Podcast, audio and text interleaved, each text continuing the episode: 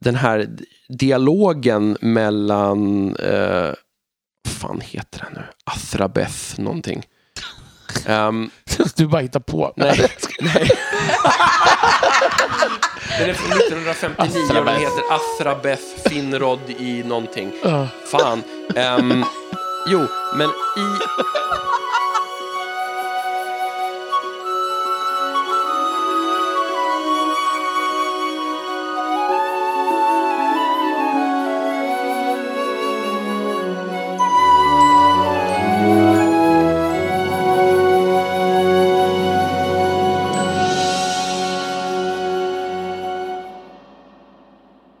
Hej och välkomna till det 72 avsnittet av Tolkienpodden. Och idag är en stor dag för äntligen har vi kommit fram till det magiavsnitt vi har skjutit upp så länge. Eh, och de vi som jag refererar till är alltså Adam. Elisabeth. Och Daniel. Och det här är någonting som flera av er lyssnare har hört av er kring. Eh, Vi har haft en del lyssnarfrågor som har legat i åratal faktiskt kring det här. Och Det är sjukt att vi kan börja använda begreppet åratal Ja, om den här podden. Men, men- så är det ja. faktiskt. ja, det är ju snart har vi hållit på i sex år. Jag vill inte tänka på det, känner jag. Vad obehagligt det kändes. tror att tiden går så fort. Ja. Ja, ja. När man har roligt. mm. Mm, verkligen. ja. Mm. Men ehm, det här kommer ju bli mer än ett avsnitt. Det Ja. vet vi redan nu. ja. Eh, vi, vi får väl se hur många det blir, men det blir definitivt det här och nästa och sen kommer det finnas material kvar Mm. ändå. Precis. Det, så mycket vet vi. Ehm, och innan vi går in på huvudämnet så ska jag försöka hitta en ny analogi för, för hur man ska presentera svårt. tipsen. Men jag Ja. tror inte jag kommer på någon, så vi säger bara att vi kör tipsen först.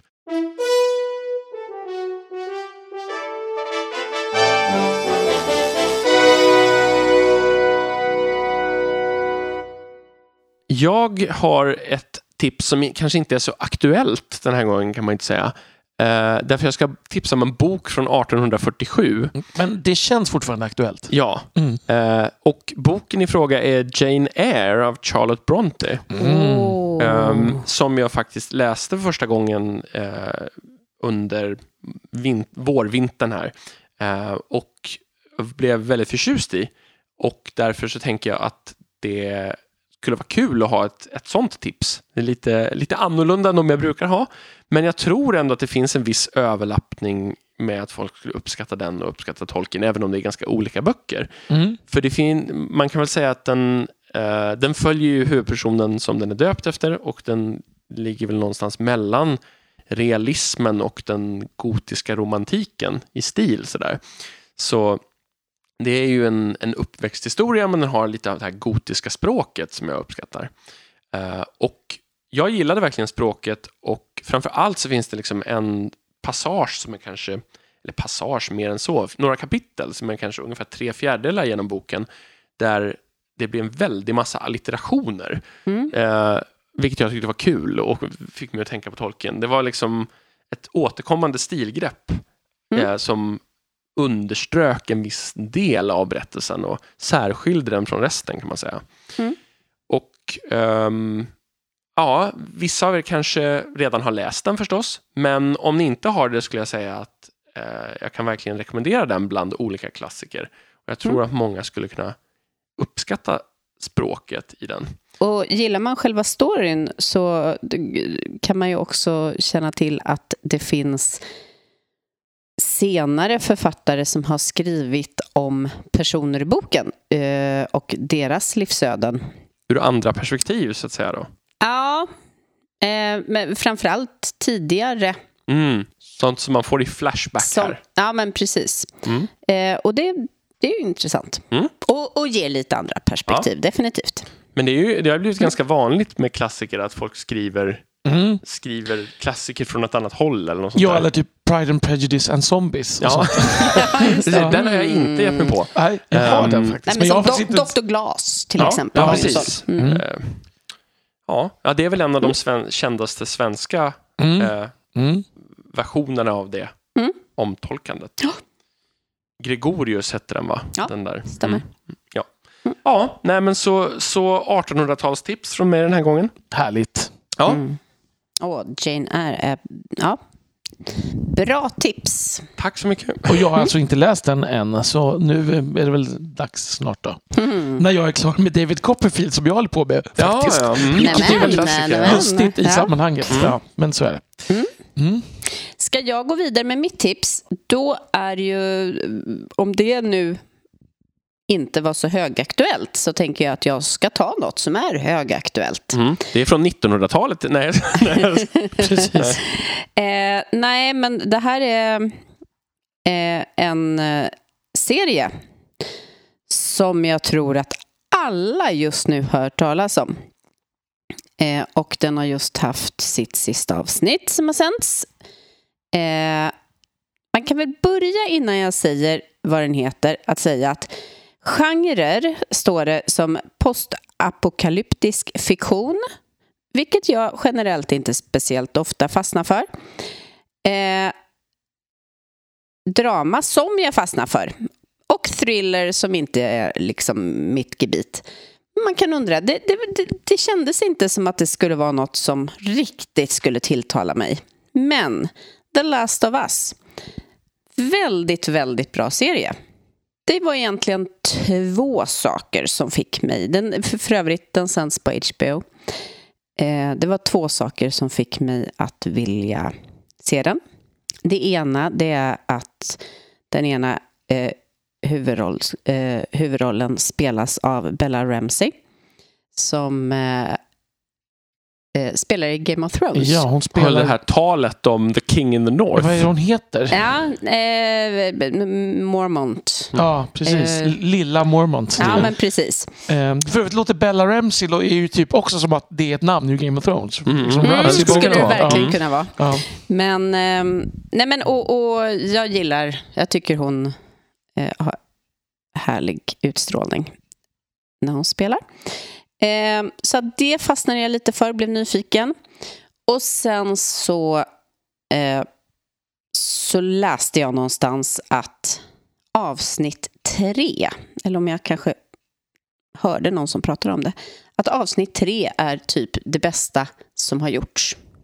Det har jag också hört. Eh, och då blev jag väldigt nyfiken. Mm. Och jag kan bara säga att jag håller med om det. Att det är det bästa som har gjorts. Ja, inte kanske det bästa som har gjorts, men inom den genren galet bra. Mm.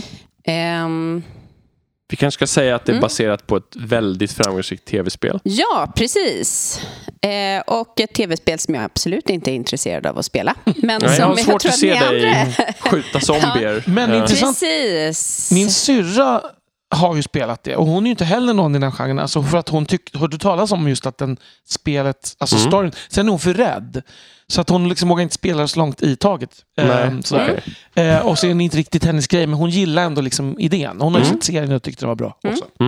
Man kan väl också säga att, att det tangerar ju, det kittlar ju lite att det hela handlar om eh, en katastrof som eh, kommer för, på grund av att jorden värms upp.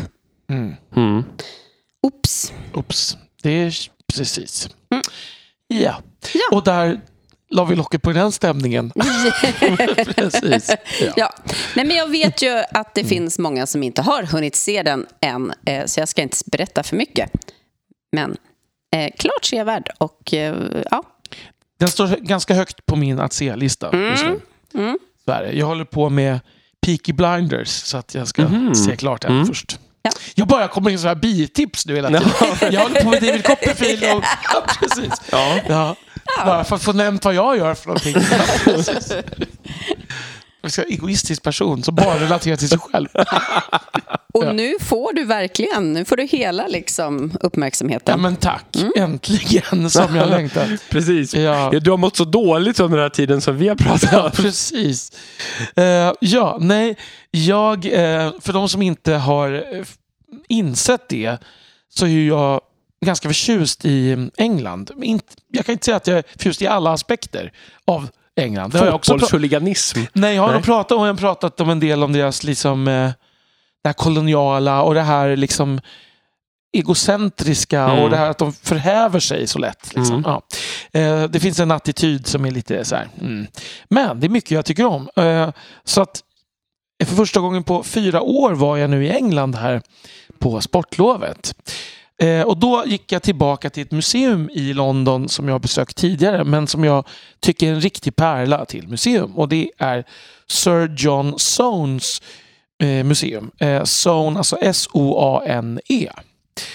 Eh, och Sir John Soane var en eh, arkitekt, levde eh, andra halvan av 1700-talet och en bra bit in på 1800-talet.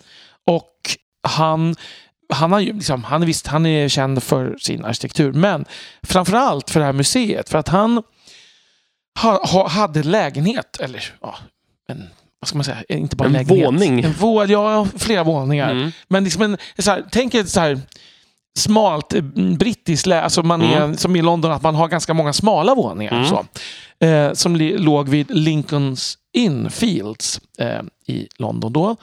Eh, och där började han samla saker, kan man säga. Kapsyler. Nej. Kapsyler, precis. Eh, och så småningom då så köpte han också de två eh, alltså Intilliggande. Ja, precis. De här liksom hela, så han har, det är ju typ, då blev det ju lite större. Mm. Ehm, och där samlade han på sig konst och ehm, liksom eh, keramik och skulpturer och eh, en egyptisk mumie och ehm, han byggde liksom som en egen liten krypta där han samlade saker längst ner med inskriptioner från romerska mm, liksom, ja, gravar och han byggde en liten trädgård och han byggde, ehm, vad ska man säga, ett, vad ska man säga, han var en tvättäkta excentriker helt Mm. enkelt. Ehm, och det här kan man ju förhålla sig till liksom att det här klassiska då att hmm, vad borde inte det här då tillhöra de här länderna han tog det ifrån? Men den lämnar jag just den bollen. Mm. Eh, för att själva museet är så bisarrt. För att det är ganska trångt och smalt. För att, och, men man kan liksom gå runt i princip i hela det här. Han stipulerade liksom att det här skulle bevaras exakt som det var när han bodde där. Eh, och, och han gav det liksom till eh, brittiska folket. Eh, för han hade en son som han ville göra arvslös. Den bra anledningen. Ja, det är ju det. Eh, men det, det är liksom... Så det är en kombo av att det är ganska fascinerande att se hur såg det ut i en persons hem vid den här tiden. Men också att det var inte vilken person som helst utan det är liksom det är liksom proppfyllt med saker Mm. helt enkelt. Och det, det finns eh, alltså det är så tavlor av Turner och Canaletto och det är Mm. massa, massa saker. Den rika 1800-talsmotsvarigheten till någon som kan drunkna i sina egna serietidningar. Ja typ. men exakt, Ja. eh, exakt så. Eh, men här, han var liksom känd för det här redan på sin tid då, så att folk han vill, vill ju såklart visa upp det här gärna då också. Och jag tänkte bara på det här gotiska som du pratade om här Mm. med Jane Eyre. Så han gillade ju inte den trenden. Eh, Så han byggde ett ironiskt gotiskt rum som var helt mörkt. Och liksom, Underbart. där han, Gud där, vad kul. där han bjöd in folk på te liksom, i den gotiska stämningen. Liksom, som han inte. Jätteroligt. Han var ju neoklassiker. Liksom. Mm. Klassicist heter det. Neoklassicist. Eh, och det är gratis. Och det är Mm. alltid trevligt. Mm. Ehm, så det tipsar jag verkligen om. Jag tror att många svenskar just inte besöker det här museet. Nej. Nej, jag har inte varit där på mina besök i London. Jag försöker tänka efter om det finns någon så här svensk, men typ en extrem version av halvylska Ja, det- palatset ja. då. Det är det närmsta man kommer. Ja. Mm.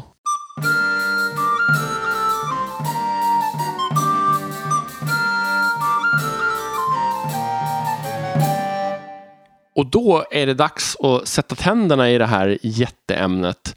Ja, vi tänkte att vi ska börja väldigt, väldigt brett. För det, blir, det är mycket att tröska igenom här. Men vad vi tänker på när vi tänker på magi hos tolken. Vad associerar vi till? Hur, hur, vad känner vi i magtrakten direkt när vi hör det? Nej, men jag, när jag tänker magi, då tänker jag att det finns någonting som inte går att förklara på naturliga vägar som ska eh, ingå i en händelse. Mm. Det är magi för mig.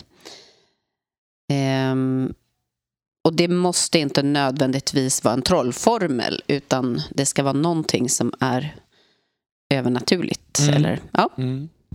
Ja, nej men precis. Jag tänker kanske också att när jag tänker på ordet magi tänker jag inte på tolken alls i första... Alltså, något, om man liksom ska tänka så. Ehm, det finns liksom annat... Jag tänker på... ehm, jag tänker mer på C.S. Lewis kanske faktiskt. Trots att det kanske är mindre Ja, det kan vi komma in på kanske, men, men liksom att själva världen känns helt magisk i det att den är bara o, oberäknelig på något sätt. Mm. Mm. Ehm, och sen tänker jag typ på Trollkarlens hatt med Mumin, alltså Muminboken. Eller jag tänker Trolltider, den gamla julkalendern, när, de ska, när häxan och fen förvandlas till varandra och sånt. Alltså Ja, det, det. Mm. det är liksom mer, mer hands-on än det någonsin riktigt känns hos Tolkien, skulle jag Mm. säga. På något sätt. Men hos Tolkien, då tänker jag mer att det är för mig någonting som mer genomsyrar hela hans sätt att berätta och som ibland liksom blommar ut. Men det har mycket mer med att göra med att det uppstår en magi i själva liksom berättelsen, det här förhöjda vi har pratat så mycket om. Mm. Att det liksom känns Mm. som att det är en nivå högre med allting nästan. Mm. Mm. Så, det tänker jag är det magiska. Men sen finns ju såklart massa magi. Mm. Men någonting som går utanpå det som är rimligt. Ja. ja. Ja, men precis. Mm. Mm. Och, och jag tänker att det är som en flytande skala från det här som bara är det förhöjda, men där man inte kan peka på något konkret, ända till att det sker uppenbara övernaturligheter, som det du säger Elisabeth. Att det, det finns inte någon tydlig uppdelning mellan dem, utan det är som att det hela tiden rör sig fram och tillbaka mellan mer eller mindre realistiskt, men aldrig helt realistiskt, så att säga. Nej, på det exakt. sättet. Och det, jag tänker ju på det här som jag vet inte om jag kan hitta en bra motsvarighet på svenska, men jag, uttryck som kom till mig på engelska var a sense of wonder, alltså en känsla av förundran kanske. Mm. Man kan säga att liksom det något spännande, något som, att det finns något bortom det man läser just nu. Och att det hänger ihop lite med den här bilden av den stora världen, men också den här mystiska världen. Mm. Det här att det är bortom tycker jag var intressant, för det är kanske är det som skiljer typ Trollkarlens hatt eller C.S. Lewis. Att, för där är det mer som någonting som läggs till Ja. Mm. ovanpå, Mm. på ytan. Medan hos Tolkien är det mer bakom liksom, Mm. eh, trådarna. Och det är som att man hela tiden famlar efter det, Mm. men att det är lite utanför ens eh, synfält Mm. på något Mm. sätt. Eh, Och sen finns det ju några som är mer hands-on Mm. eh, Absolut. också. Så är det finns ganska många kan Ja. man säga. Eh, jag, jag måste nog säga att sen vi började göra den här podden så har jag nog aldrig gjort så mycket research som jag har gjort till de, till de här avsnitten. Och det är vi ofantligt glada över. Ja, men, Ja. men det säger jag inte av någon sorts liksom, så här, tacka mig orsak, utan bara det, det är... Fast, fast det gör vi. Ja. Ja, tack. tack då. Men, men det jag vill komma till var att det är så Trots att jag har gjort det så känns det fortfarande som att jag är lite slarvigt förberedd. Mm. För det är ett så fruktansvärt stort ämne det här. Och det finns så många olika ingångar i det. ja, precis. Man kan ju se det hur brett som helst nästan. Mm. Eller hur, man kan ju liksom smala av det. Precis, det är väldigt svårt att veta, just på grund av det här vi sa med flytande skalor, det är väldigt svårt att veta var ska man dra gränsen för vad som är magi och vad som inte är magi. Och då kanske vi ska gå vidare in på vad Tolkien själv tänkte om Ja, det är ju relevant. magin Ja. i sitt verk. Och jag har plockat ut två brev som han skickade. Eh, eller ett brev som han skickade och ett brev som han faktiskt inte skickade. Ehm, som båda finns i Letters. Mm. Som jag tänker spelar in här. Och jag kommer inte att läsa upp dem på engelska utan jag kommer att bara återge innehållet lite Mm. kortare på svenska. Kommer du även att berätta varför det inte skickades? Eh, ja, det kommer jag göra. Mm. det, men, eh, för, det, för det är ganska centralt faktiskt. Ja. För Ah, varför jag okej. har plockat ut det här. Ja. Ehm, I ett eh, brev från... Jag börjar faktiskt med det senare brevet. Det är kanske lite ologiskt, men det är ett brev som Tolkien tänkte skicka till Naomi Mitchison som han skrev till ett antal gånger. Och han skickade ett brev i september 1954, men det här som har blivit brev 155 blev, var en bit som inte kom med i det här brevet. Mm. För han insåg, verkar det som, själv att det inte riktigt gick ihop. Han blev själv, började säga emot sig själv.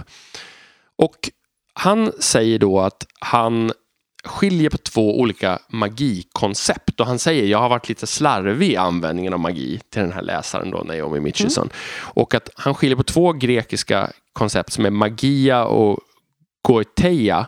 Och det kan vara feluttalat det här, men, men Ja, det finns ju oli- många olika. Grekiska har funnits ett tag trots allt. Precis, men, men något åt det hållet i alla fall. Och eh, Tolkien definierar inte själv de här begreppen i, ehm, eh, vad ska man säga, i eh, brevet.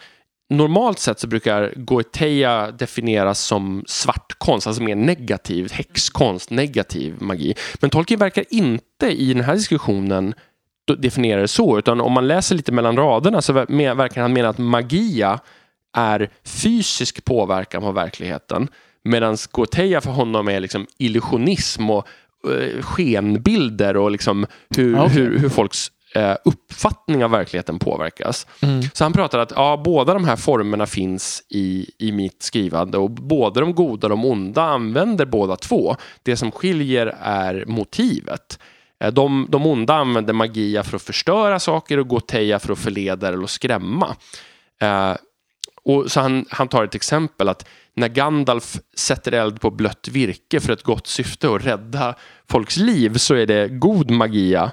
Eh, och eh, vad heter det, god goteja är liksom alvernas konstnärliga syften. Där man inte ska bedra utan ska liksom skapa någonting som ska vara, kännas magiskt. Mm. Jag undrar om också kanske till exempel om jag får bara slänga in. Mm, det känns ju som att till exempel att alltså, hela Gandalfs sätt att jobba är lite sånt.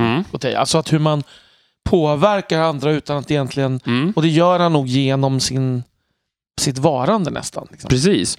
Och, men mest intressant är kanske nästan slutet av det här brevet. Mm. För då säger tolken att, eh, att en skillnad i användningen av magi i, I den här berättelsen så är det så att magi är inte något man kan liksom få tag på genom kunskap eller besvärjelser, utan det är en inneboende kraft som människor inte kan få tag på. Um, och då skriver han också att Aragorns helande skulle kunna ses som magiskt, eller åtminstone någon sorts blandning mellan magi och Uh, och liksom läke, läkekonst mm. eller kunskap om mediciner. Uh, men i Eh, i teorin så har det ju rapporterats av hobbitar som inte känner till så mycket om vetenskap och så här. Um, och dessutom är Aragorn inte en ren människa utan också är besläktad med Luthien. Uh, och här känns det som att Tolkien verkligen trasslar in sig. Famlar. Ja, verkligen. ja. Men han kommer på själv då att det här stämmer ju inte. För han skriver en liten fotnot eller en notering i marginalen till sig själv där han skriver But the Numenorians used spells in making swords? Frågetecken. Mm. Där han kommer på att det här, det här är inte sant, nej, det jag just har skrivit. Um, och här finns det uppenbarligen en motsättning inom när Tolkien har på slutet försökt lägga någon sorts eh, logik på sitt eget skrivande mm. och inser att det stämmer ju inte. Nej. Jag får inte ihop det här. Mm, um, och därför tror jag att han inte skickade det här brevet. Och um, och också kanske att den, jag kan tänka mig mm. att han tänkte, jag måste tänka mer på det här. Ja. Och så blev det inte så. Nej, precis. Mm. Um, och sen så ett tidigare brev som också är relevant, som är mycket, mycket kortare, eller det jag tänker ta upp är mycket kortare, det är till Milton Waldman 1951 i brev 131. Och då säger han, eh, då skriver han att han inte använt magi eh, liksom på något genomgående, liksom, eh, vad ska man säga, han har inte gjort det på något systematiskt, systematiskt sätt. sätt precis. Um, och att han tyckte att det är konstigt egentligen att det blir samma, att det är hobbitarnas sammanblandade ord både för alvernas och fiendens olika eh, knep så att säga. Um, och eh, han säger att alverna är där för att liksom visa på skillnaden, att deras magi är konst och att som är liksom lössläppt från mänskliga begränsningar. Den är liksom utan ansträngning, den går fortare, den är mer fullödig sådär. Um, och dess syfte är konsten, med stor, art med stort A här, mm. inte makt.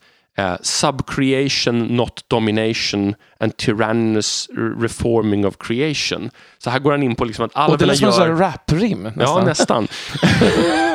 Precis. Ja. Epic rap battles of Precis. history. Mm. Nej, men... Um, och jag tänker att det här blir lite, det, det, det, här är ju ganska likt det som, men jag tog med det här brevet också för att det i vissa utgåvor av Silmarillion faktiskt har eh, lagts in som förord till Silmarillion, det här mm. brevet. Okay. Eh, det, det, här är en kort utdrag ur en längre, en längre bit. Men det, jag tycker att de här breven tillsammans ändå sammanfattar någonting som vi kan börja utifrån. Att Tolkien, Tolkien ser det som dels att det, det finns två kategorier Eh, en som är skenbilder, en som är fysisk påverkan. Han ser det också som att syftet avgör om det är gott eller ont. Och han ser det som att det, å ena sidan kan man liksom syfta till konsten och å andra sidan kan man syfta till makt eller påverkan på förändring av världen på något sätt. Men han trasslar ju också in sig och märker att det går inte riktigt att säga till exempel att inga människor hade tillgång till det här och det kommer vi se ganska snart. Mm. Att det här håller ju inte. Nej, jag tycker att det redan, eller inte bara redan, men jag tycker även i den här att syftet, det som avgör, stämmer ju inte heller.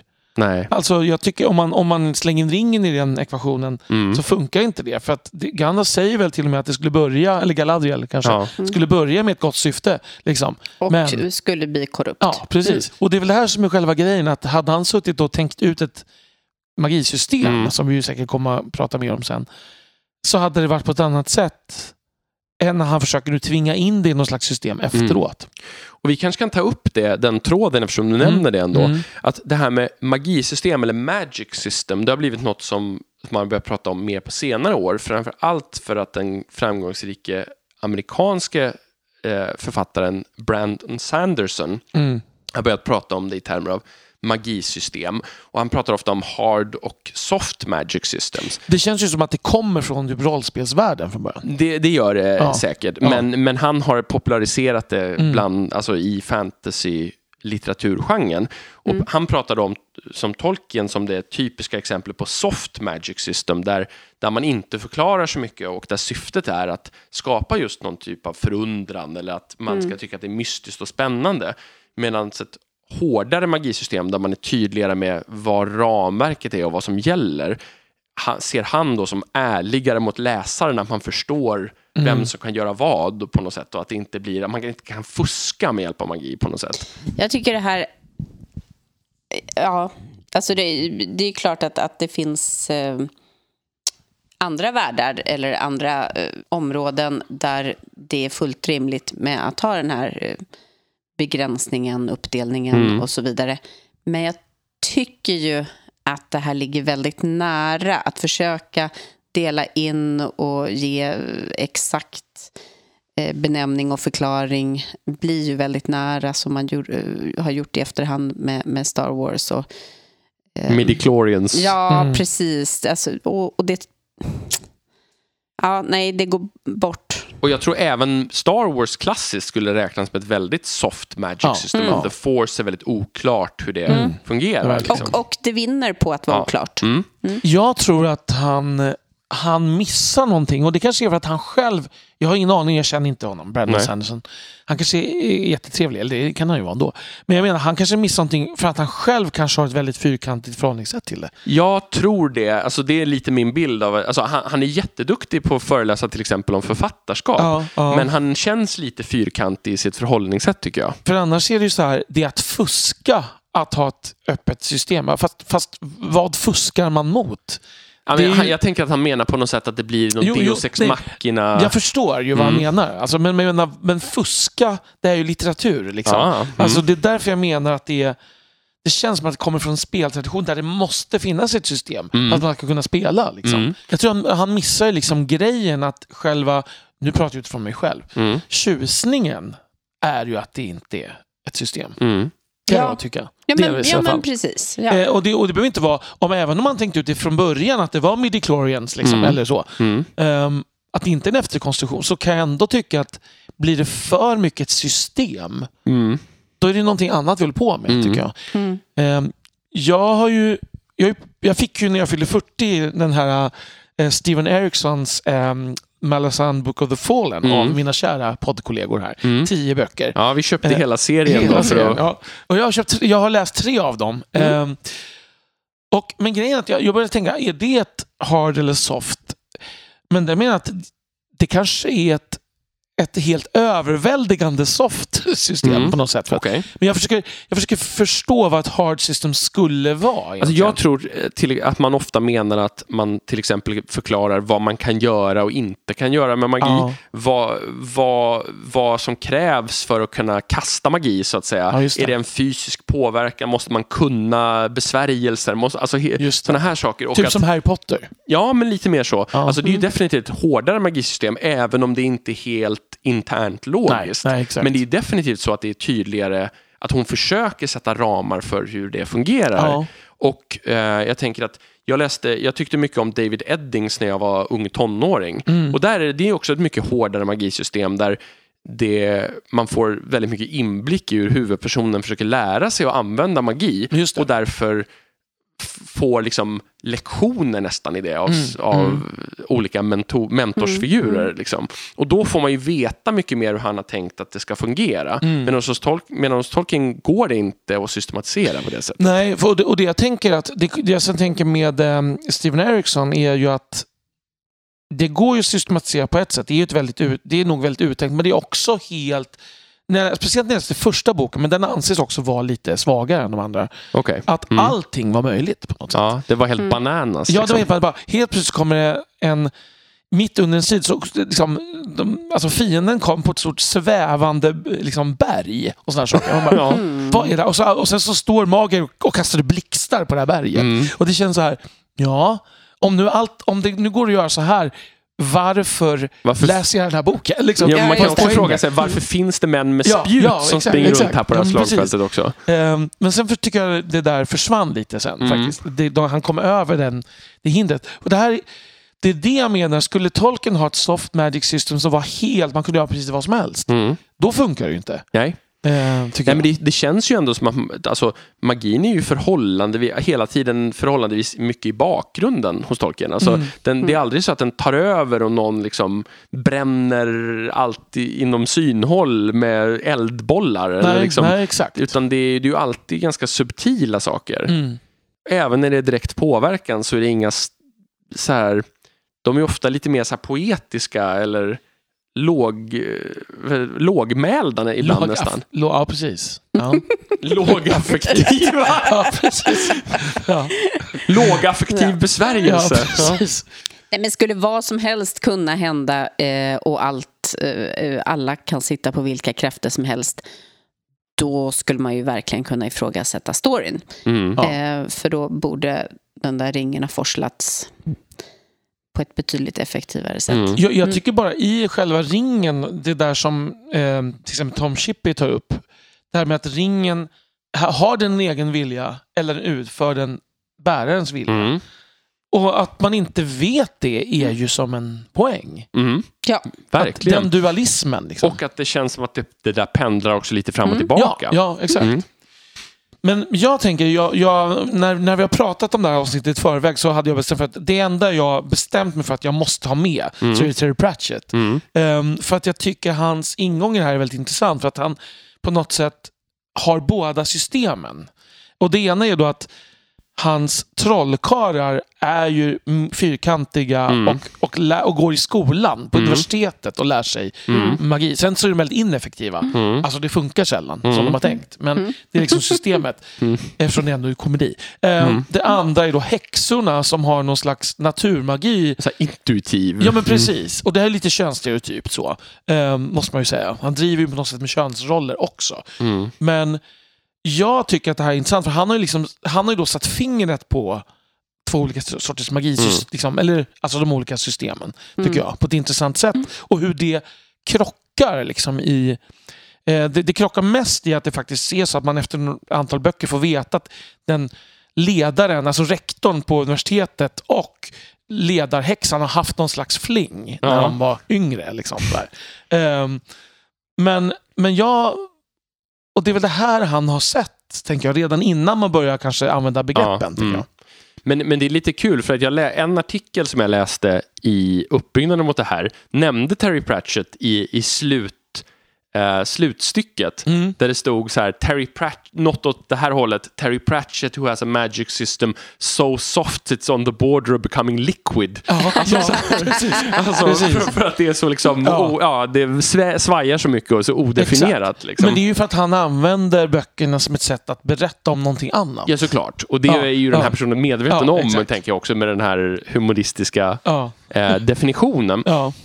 Men om man, ska, om man på å ena sidan definierar Tolkien mot fantasygenren och så, Mm. så finns det ju en annan, en annan viktig utgångspunkt, tänker jag, och det är eh, att definiera det mot religion. Mm. Ehm, och här så har jag läst en, ehm, en annan eh, artikel som jag fick rekommenderad av Beregond. Tack för tipset, vad bra tips. Ehm, och, han heter, jag tror förnamn Ronald Hutton, eh, om jag, han heter Hutton i efternamn i alla fall. Han har skrivit en artikel som heter Tolkiens Magic och som jag tyckte var väldigt bra.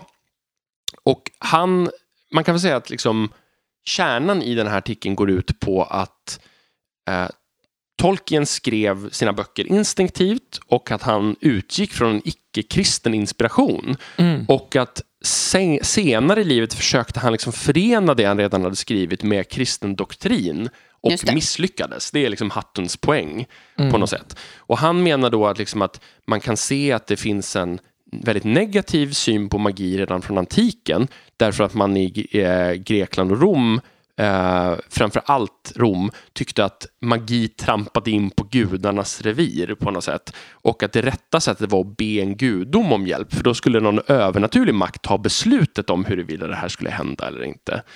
Ehm, och det här blev ännu värre när kristendomen tog över därför att man, man började med den antika skepsisen och sen så la man till en till dimension, alltså källan till det. Det vill säga om det inte kommer från Gud så måste det ju komma från djävulen.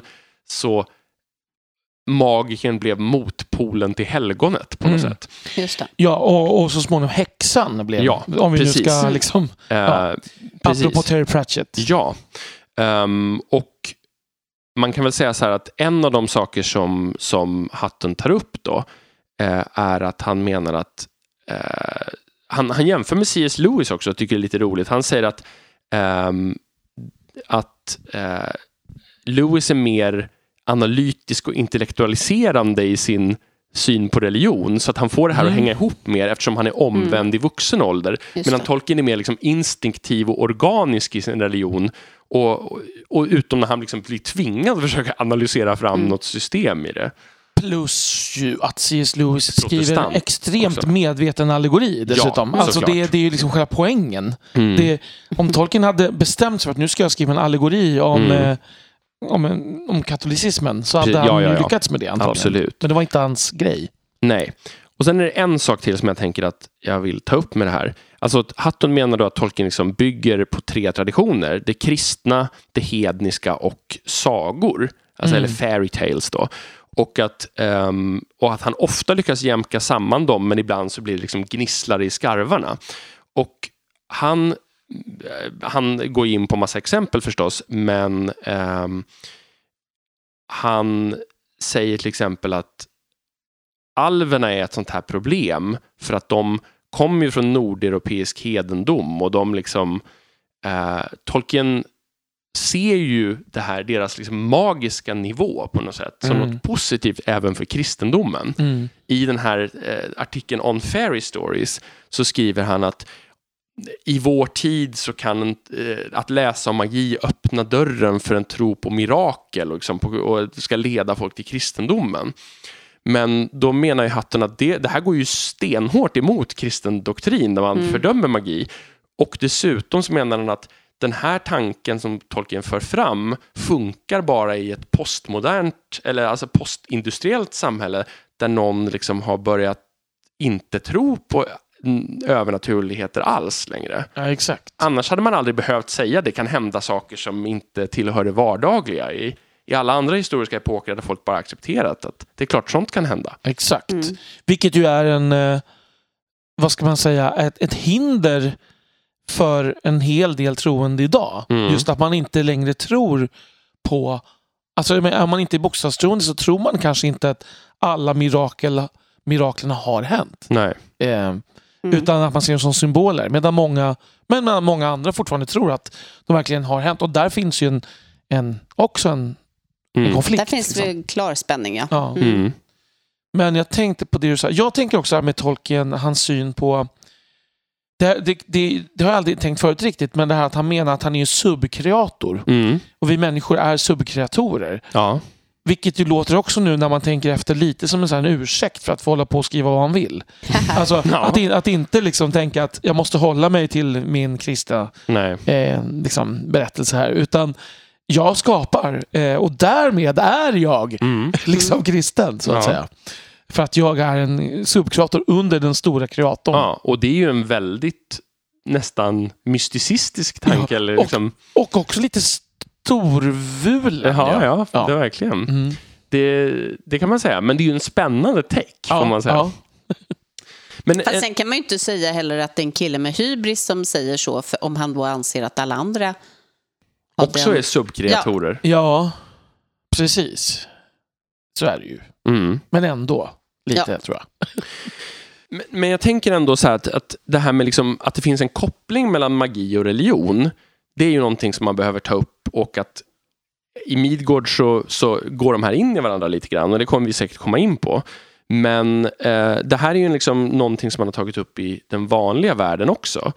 Och under Tolkiens tid som aktiv så var ett ganska omdiskuterat och känt verk. Det var James George Frasers The Golden Bough som är en, ett jätteverk som liksom i princip argumenterar för att religion är en utveckling från magiskt tänkande. Alltså att det han kallar då för primitiva samhällen är eh, tror folk att man liksom genom att härma olika processer i naturen kan framkalla effekter. Om man stänker vatten så kan man skapa regn eller så. Mm. Och han menar då att det- blir en mer, en, ett mer ska man säga, sofistikerat sätt att se på världen blir när man går över till en religiös tanke där man måste be någon annan om det här. Och i sista steget menar Fraser då att man går från det till, till vetenskap som är hans ideal då, liksom, som är högre nivå än religion för Fraser. Liksom. Mm. Men jag vet, alltså Tolkien har inte pratat om Fraser specifikt, men jag har sett ett par citat där jag undrar om det inte handlar om honom, eh, där han är skeptisk mot den här typen av traditioner. Han skriver om det i On Fairy Stories och han säger till exempel att sådana här liksom komparativa mytologiforskare, Mm. de använder bara berättelser som stenbrott och bryta fram bevis ur. De liksom plockar inte fram det unika i varje berättelse som de är tänkta att läsas. Så Ja, just Tolkien tillhör en motsatt tradition där. Liksom. Där, där liksom inte den här rationalistiska synen på magi utan just det här med liksom undret istället Mm. hamnar i fokus. Men det måste ju bygga på vad man, just att han tror på det, undret. Också. Ja, ja, det tänker jag Ja. också. För Men- Fraser är uppenbart inte religiös. Nej, och, och jag tycker det är intressant det där för att jag menar, jag köper, jag köper på något sätt eh, beskrivningen av att religion är en slags utveckling av någon slags allmän animism, typ, besjälning. Som, Ja, det är ungefär det han argumenterar. Mm. men däremot köper jag liksom inte sen näst, att, att, liksom, sen att vetenskap skulle vara en utveckling av det. Liksom. Han menar ju på något sätt då, det tar jag jättekort, men att Ja. man, man går tillbaka till eh, ett steg mot magigrejen. Att man Ja. tänker att vilka människor som helst kan påverka Ja, naturlagarna, bara att man hittar bättre sätt att förstå hur det faktiskt, vilka händelser, eller vilka handlingar och vilka eh, resultat som faktiskt hänger ihop med varandra, menar han på något sätt. Mm. Det är hans take. Alltså han, det är ju ingen som ser Fraser som... Alltså han är ju oerhört utdaterad och, Mm. och, och dessutom rätt kolonial, får man säga. Men, men för den här tiden så var det väldigt intressant och också oerhört upprörande för att han eh, tog in kristendomen och Mm. jämförde den med olika saker och pratade om Med regndans typ. Ja, men, ja, men, och till exempel och att han liksom pratade om att såna här årstidsgudar som dör och föds igen Mm. påminner om Mm. Ja. Jesus och död och återuppståndelse och såna här Absolut. saker. Och det var ju superskandal i England 1890 som ni Ja, kan tänka en, er. en helig ko som man Mm. inte skulle ge sig på överhuvudtaget. där, ja. precis. Mm. Så att i, i senare utgåvor så klippte han bort det som handlade om kristendomen för att han inte Underbart. vågade. Hur man Ja. löser problem Ja, helt enkelt. precis. Man undviker dem. Nu kanske jag gör mig, till, gör mig lite osams med vissa i vår lyssnarskara, men jag tänker ju samtidigt att, att en del av de här, det som sen blev tagen som bokstavlig sanning, är ju från början mer av uppfinningar för att be bevisa någonting. Alltså Mm. när man vräker på med att, att Jesus till exempel är, är av Davids hus Mm. på Josefs sida. Liksom. Mm. Då är det för att ge honom den här äh, stamtavlan som ska bara bevisa någonting. Mm.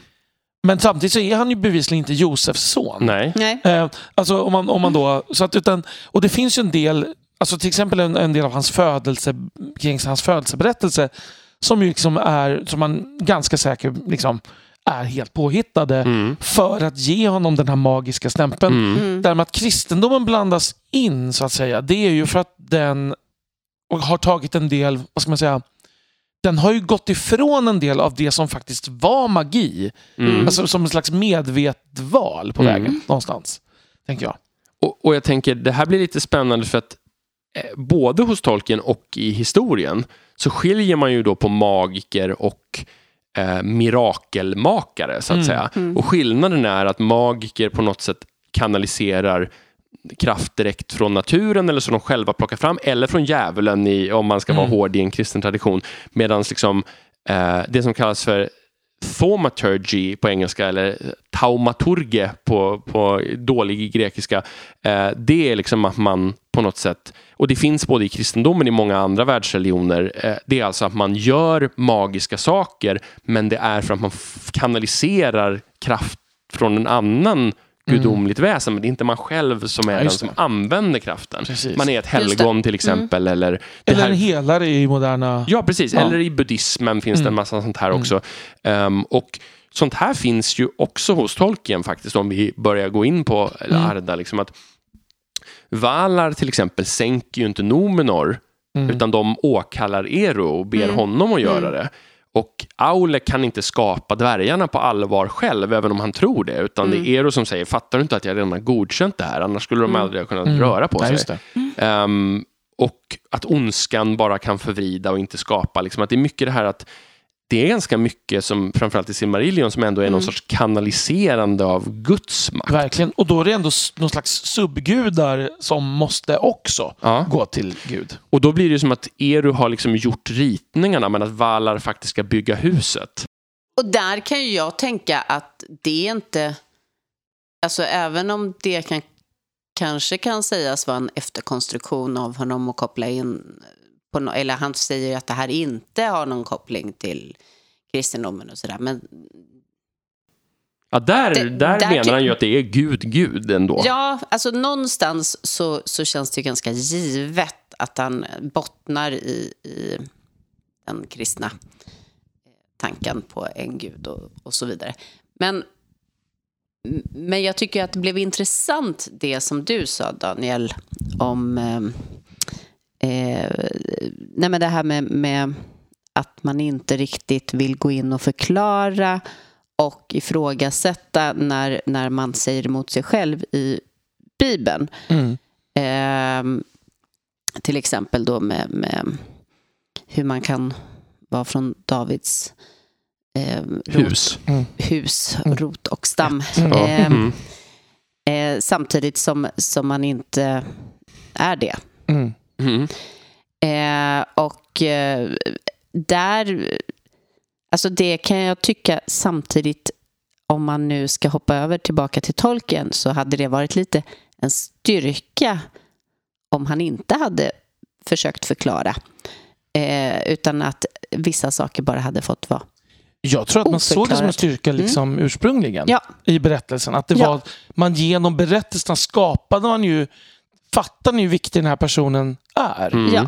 Eh, titta allt det här liksom. Mm. Och så kanske det går emot varandra, men det, Ja. det är inte relevant. Nej. liksom. Nej, precis. Det är när Tolkien överdriver hela tiden Ja, till ja. exempel och vill säga Ja. att när han var äldst och han var Ja, mäktigast. Nu menar jag Jesus. Men... Ja, men, jo, men, det, men men jag menar, jag gör en parallell Ja, jag till förstår, det. du gör en parallell. Ja, som vi det- gör i den här podden Ja, ibland. Nej, men det jag menar är att Ja. det blir ju lite likt det. Alltså när Tolkien Mm. vill säga eldest eller greatest om all, alla. Liksom. Exakt. Därför att man också vill på något sätt bygga upp för läsaren Ja. samma sak som det du säger om Exakt. Jesus. Och det var ju väldigt vanligt just, jag tänker i, övrig, alltså i antiken i stort. Mm. Att man, bara, man fläskar ju på med epitet Ja. för att liksom För att ge status. Ja. Så. Mm. Och jag tänker utifrån det här eh, så, så tänker jag att vi kan göra lite så här avgränsningar. För att i det här avsnittet så kommer vi inte att prata om eh, hantverk och saker. Det kommer vi spara till senare. Och inte ens till nästa avsnitt. Nej, alltså, utan det kommer nog att bli ett tredje avsnitt först där det dyker upp. Och, eh, så, och inte ens där tror jag att vi kommer prata om maktringarna, för det är ett för stort ämne och måste bli ett eget avsnitt i sig. Men eh, utan, vi kommer använda, eh, utan vi kommer prata om sånt som inte är bundet i arkitektur, platser, vapen, allt sånt, utan Mm. sånt som liksom kom som människor eller alver eller dvärgar eller vad det nu är använder sig av. Tillämpad magi sa du Daniel, Mm, eh, när mm. vi pratade om det här innan och det är väl en ganska bra term. Men då kan man också fråga sig då, vilka är det som kan tillämpa magi? Och jag tänker så här att det blir nästan ingen poäng att prata om att Gud eller Valar ens kan göra det för att allt de gör är över den nivån. Mm. Ja, Och då är det inte heller övernaturligt, för för dem är det naturligt. Ja. Så jag tänker att vi kan klippa ut allt det där från början och koncentrera oss på varelser under Valars nivå på Ja. något sätt. Och då har jag gjort en jättesnabb liten lista här på vilka som faktiskt verkar kunna använda magi. Och vi kommer ju gå in på jättemycket mer detaljnivå än så snart. Men Majar förstås, alltså de här lägre gudaväsendena, till exempel trollkarlarna, Istari, eh, Sauron och ett av de kändaste exemplen från Silmarillion är Melian. Då. Just det. Ehm, drakarna, uh, framför allt Glaurung som man använder jättemycket, men även Smaug faktiskt finns det en del magisk kraft kring. Alverna i stort, eh, väldigt ofta alverna, särskilt deras furstar eh, kopplade till magiska eh, krafter. Dvärgarna, men de kommer dyka upp mest i det här tredje avsnittet för det är väldigt mycket hantverksbetonad magi. Vilket ju känns rimligt när det handlar om dem. Verkligen. Och sen hävdar ju då Tolkien att människor inte kan skaffa sig magisk kraft, men det stämmer ju inte. Snicksnack. Möjligtvis att de inte kan skaffa sig. Ja, det är möjligt beroende på, men vi har, jag kan bara snabbt ta några exempel. Eh, för vi, jag kommer inte gå in på dem, men eh, klingorna som hobbitarna får ur eh, kumlen, de är ju gjorda med eh, spells eh, for the bane of Mordor. Mm. Ehm, och det är ju det där som Tolkien själv kommer på då. Um, häxkungen Mm. får, eh, har magisk kraft redan innan han blir Nazgul, verkar det som. Mm. Eh, Saurons mun beskrivs också som att han eh, har blivit en sorcerer.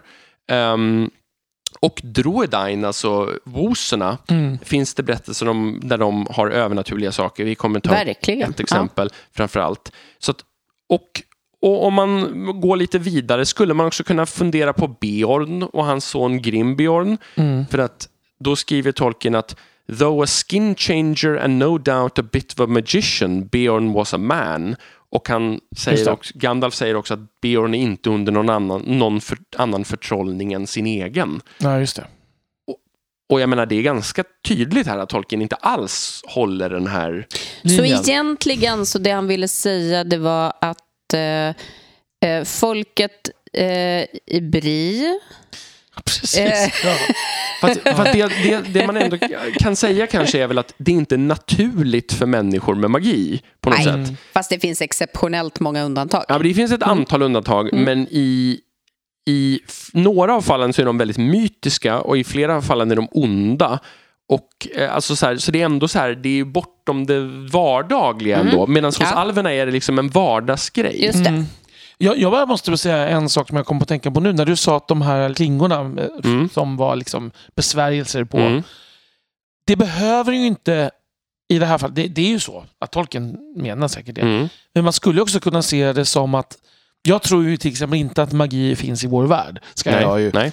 ska jag ju säga. Kan jag bara vara bra och tydlig med det. Mm. Men det har inte hindrat folk från att läsa besvärjelser över vapen. nej, nej, Eh, verkligen. och jag menar att det skulle ju lika gärna kunna vara så även i Midgård Mm. att man läser besvärjelser över vapen av Mm. samma skäl som man gjort det här. Ja. jag. Sen så är det ju då i, i det här stycket när Mary faktiskt hugger häxkungen Mm. så, så antyds det ju att det finns en speciell kraft i det här vapnet. Absolut. Även om, eh, han, han skriver ju No other blade, not though mightier hands had wielded it would have dealt that foe a wound so bitter. Men Ja. det går ju fortfarande att tänka att det är en mytbildning Ja, kring den här händelsen. Absolut. liksom. Men det är ju återigen det är läser lite, jag, ja. lite samma läsning som Silmarillion är en mytologi Exakt, som exakt. inte har hänt. Så att Precis. säga. Mm. Mm. Mm. Men, men jag tänker att nu har vi kommit fram till det jag tänker är på något sätt en, att vi har klarat av prologkapitlet i det här avsnittet lite grann. Så vi, det, det är, vi har pratat om det generella med magi och magins roll och sådär. Eh, och de, de, det som återstår som är det stora segmentet i avsnittet, eller i avsnitten här, blir ju det här olika typer av magi och exempel på den, så att säga. Mm.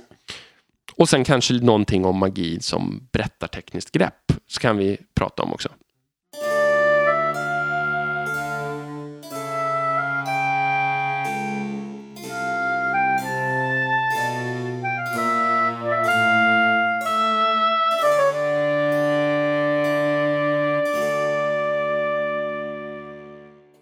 Det första som man skulle kunna gå in på är den här inneboende magin hos för, för det hävdar ju Tolkien själv är kärnan i magin i hans skapelse. Även om vi redan har dissekerat det och visat att det inte helt stämmer Mm. så, så kan vi ändå utgå därifrån kan man säga.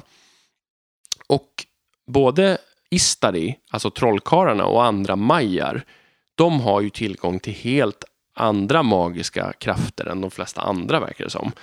Eh, Mm. Vi ser ju, ett, ett av de tydligaste exemplen är ju Melian, som ju när hon träffar Thingol så, så är det som att en besvärjelse faller på honom. Han står still frusen i åratal och hans folk letar efter honom och de bara står och tittar i varandras ögon. Mm. Medans ehm, Long years were measured by the wheeling stars above them and the trees of Nun Elmoth grew tall and dark before they spoke any word. Ehm, Det är vad liten- vi kan kalla en förälskelse helt ja, enkelt. precis. Ja. precis. Ehm, men, men sen har vi ju ett av de viktigaste berättargreppen i hela Silmarillion och det är ju Melians gördel. Jag tänkte ju säga det, att Melians gördel känns ju mer som Ja. ren magi. Ja, precis. magi, Att hon, precis. Ja. håller, hon håller under långa tidsåldrar all ondska utanför Doriath. Och eh, det är först när en, som vi kommer in på senare, stor profetia eh, går över görden som Beren kan snubbla igenom Mm. görden, så att säga.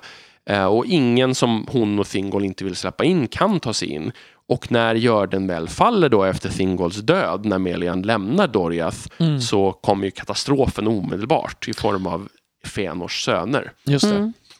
Och, men så att Melians gördel är ju väldigt kraftfull. Den Mm. håller ju emot till och med liksom Morgoths och Saurons krafter i andra riktningen. Och den står sig genom nästan hela Quenta Silmarillion, Mm. Mm. berättelsen. Så Just det är ju ett oerhört kraftfull påverkan på omvärlden ändå. Mm. Det är inte Goteia, utan det är magia av dess renaste form. Mm. Mm. Verkligen. Eh, och, och det är ju samma sak med Istari, att de, de har ju tillgång till massa olika krafter. Inte minst Gandalf som vi kommer kunna prata lite om senare. Men de verkar också kunna känna av varandra om de har krafter. Gandalf säger på Karadras att om det finns några andra som tittar så har jag avslöjat mig för dem i alla fall. Mm. Eh, att liksom man gör ett avtryck i Mm. världen med de här krafterna. Exakt. Och frågan är hur länge det avtrycket varar. Mm. Och det är väldigt intressant. Liksom. Mm. Är det bara i stunden eller dröjer det sig kvar? Ja, och frågan är, glömmer inte Tolkien lite bort det här i andra sammanhang? Eller är det liksom, när de strider mot vargarna, är det lika mycket avtryck? Eller är det för att de är avslöjade då redan, så att säga? Just det, det är de nog. Ehm, Ja, men, ja, precis. För det är ju helt andra förutsättningar. ja, då är det inte längre smyga sig fram, Nej. Mm. utan då är det strid, ja. Mm. Men jag tänker ändå så att fortfarande är det ju så att Maja lite grann nästan tillhör samma kategori som Valar, att de, de Mm. har ju funnits innan världen och det är på något sätt i deras natur Mm. att vara, eh, ha övernaturliga krafter. Så det är fortfarande gränsland till att det är magiskt. Men jag tycker Mm. att det blir en skillnad när man flyttar det till Midgård ja, för från de träder Vardar. in i Ja. vanliga... Ja, Exakt. personers och det är då det blir magi. Mm, Och där blir det alltså, eh, har du ju tagit de exempel som verkligen träder in i, i resten av världen. Mm. Både med Melian Mm. eh, och, och framförallt med trollkarlarna. Ja. Och sen så självklart, vi kommer prata lite mer om onda sen, men Saurons magi Mm. Är han också väldigt hänger ju central. också en del där, Ja. i, Mm. påverkar lite. Den påverkar berättelsen ibland. Ja, Mm. Ja. Ehm, men jag tänker ändå att så här, det som ändå på något sätt är mest definierande för Tolkiens författarskap, Mm. tänker jag är alverna och deras magi. Mm. För det, det är kanske mest unikt och det är svårast att sätta fingret på exakt hur den eh, Mm. fungerar. Och det, en sak som är rätt intressant är att det är nästan omöjligt att skilja på magi och någon sorts skicklighet eller skapande där. Mm. Och det, är på, det ligger lite i linje med vad Tolkien skriver i det där brevet till Milton Waldman. Mm. För till exempel så finns det ett citat som lyder så här. The greatest in skill and magic of the Noldoli, det här är ju ett äldre citat och innan de heter Noldor, was Finves elder son Fëanor. Alltså Mm. skill and magic, det är, liksom, det är en flytande precis. skala Mm. här. Jag tänker också att det finns ju en, en eh, tydlig eh, magisk parallell medan, mellan eh, Melians gördel och Galadriels eh, Skydd av Lothlorien. skydd av- Ja, Mm. precis. Mm. Verkligen. Och Galadriel går ju i skola hos Melian. Alltså hon Ja. bor i Doriath och Mm. lär sig av henne. Mm. Det framgår ganska Så tydligt. här gör du en gördel, min kära barn. Så här, Gördel 1.1. Ehm, Ja. Varför är du lät som Ferdinands mamma? det, det är så du tänker i Men Melian. Galadriel, varför leker inte du med andra små alverna och stångas du med? Ja, Precis. Medan jag fick någon så här liten Hogwarts är lite olika. bild av hur Ja. Ja. hon står där framme vid Madame katedern. Pomfrey. Ja, Ja. Så här. Ehm, ja. och, och man kan väl säga så att när folk som inte är alver möter alverna så slås de ju hela tiden av den här magiska nivån. Mm. Eh, att Frodo, när han kommer till, till Riftedal, så är det så att när han hör musiken och, och orden där så... ja, bara när de möter Gildor Ja, på vägen. Liksom. precis. Innan. Och det ja. är nästan som att han, han, även om han inte förstår allting så, så är det som att han den blir förtrollad. Mm. Eh, och det är sam, alltså man tänker när dvärgarna möter alverna i mörkveden och, Mm. och liksom facklorna tänds och släcks ögonblickligen och, och de faller i sömn och sådär.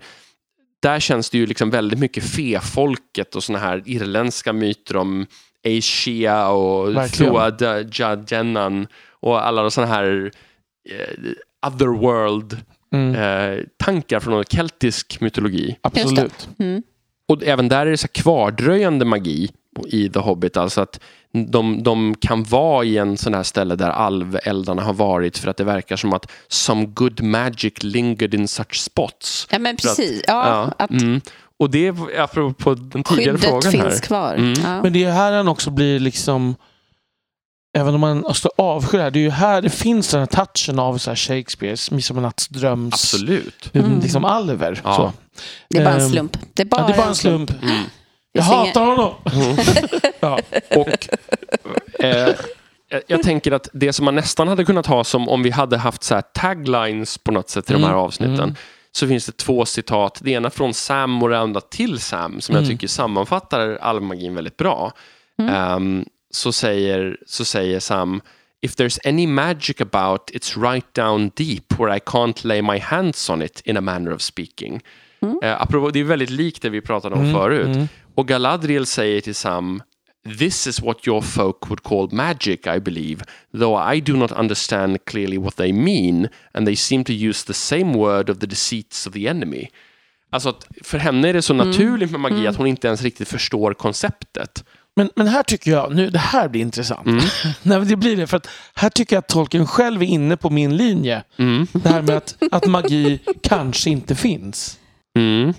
Alltså att de alverna är helt enkelt så överjordiskt skickliga. Mm. Alltså och har och liksom är, och just att de är odödliga. De har mass, de har liksom, Så att de, de, det är inte ens magi, utan det är att för hobbitarna Mm. och människor framstår det som magi. Det Liksom. är ju en väldigt vanlig trop i science fiction. Mm, Att magi är bara vetenskap som man inte förstår. Mm. eh, På något sätt. Att det Jag menar liksom... kanske inte att just att det är vetenskap. Nej, nej alltså, ja, men, men, det, eh, det ja. följer ju samma Ja, men argumentationslinje absolut. på något sätt. Att det Mm. skulle gå att förklara om vi bara hade andra förklaringsmodeller Mm. som, på något sätt. Nej, jag säger tvek på den. Ja. alltså, Galadriels spegel, ja, eller hur? Ja, men det beror på vad, återigen vad man menar. För att som sagt, Galad, Galadriel själv håller med mig. Nej, Galadriel själv. det jag menar är att det också går att knyta väldigt mycket till det här, den här förhöjda nivån vi har pratat om. Mm. Mm. Att liksom magin ligger kanske inte i att det är magi utan att de befinner sig i ett högre tillstånd. Helt Ja. enkelt. Mm. Och det, det var lite det jag menade med den flytande skalan. Mm. Att det är väldigt svårt att veta när börjar magin Ja. och, var, och var slutar skickligheten eller var Exakt. slutar bara den förhöjda drömska nivån. Ja. Liksom alla de här sakerna flyter ju in i varandra. För, för att, för att liksom äpplena de får av Gildors folk till exempel är mycket godare än alla andra äpplen. Mm. Liksom. Men är det för att det är magiska äpplen? Mm. Eller är det bara för att det är alviska äpplen? Mm. För, om ni förstår skillnaden. Mm. Liksom. Och- Och för att tulla lite på det här eh, mer avsnittet med föremål så är det samma sak när de frågar om alvkapporna. Mm. Och då, då svarar också en av alverna, jag förstår inte riktigt vad du menar med magi. Nej, nej, men men de, har, de kan Ja. göra de här sakerna. Ja, de exakt. värmer när det är kallt och de döljer den för fiender och så här. Mm. Och han, han menar att han fattar inte riktigt vad som är magiskt. Nej, Liksom, det är utan bara de, så de är bra. Ja. Ja, just Nej, det är men bra de li- kvalitet. De ligger så pass mycket närmare eh, Gudomliga. Ja, men det gudomliga, eh, majar, Mm. valar.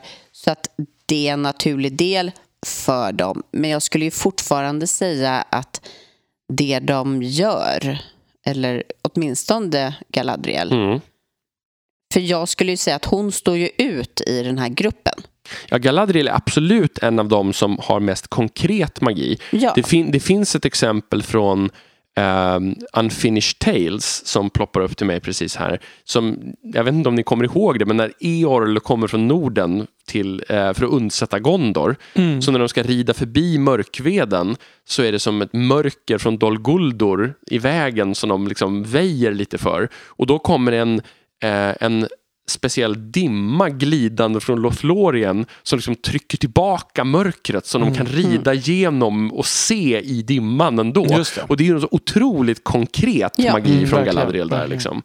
Ehm, Men det, men det jag egentligen, nu börjar jag tänka igen, det är ju kanske att det är båda, återigen, det är båda på samma gång. Ja. Att det liksom är, för, för alverna är det inte magi. nej, för dem är det ett, o, ett, ett, helt, ett begrepp som saknar betydelse. nej. liksom. För, för dem finns det ingen distinktion mellan de här nivåerna. det nej. är en flytande skala. Exakt. Men för hobbitarna framstår det, det är därför de använder ordet magi Mm. om det. Liksom. Fast Och det är jag, ju det då skulle jag själv fortfarande säger. säga att jag tror att deras begrepp av magi ligger, tänker jag, att, att, att det som är självklart och naturligt ligger på en mycket högre nivå Mm. eh, där kanske hobbitarna skulle räkna in det som magi men sen finns det en nivå till Ja, eh, där precis. det känns som att eh, Mm. Även alverna även, även de ja. säger ja, nej men hon, hon, det hon gör är magiskt. Ja, jag säger tänker- Yes Queen, säger de. Men jag tänker spontant Ja. att alla alver har ju säkert inte samma tillgång till de här krafterna, Nej, precis som det du säger.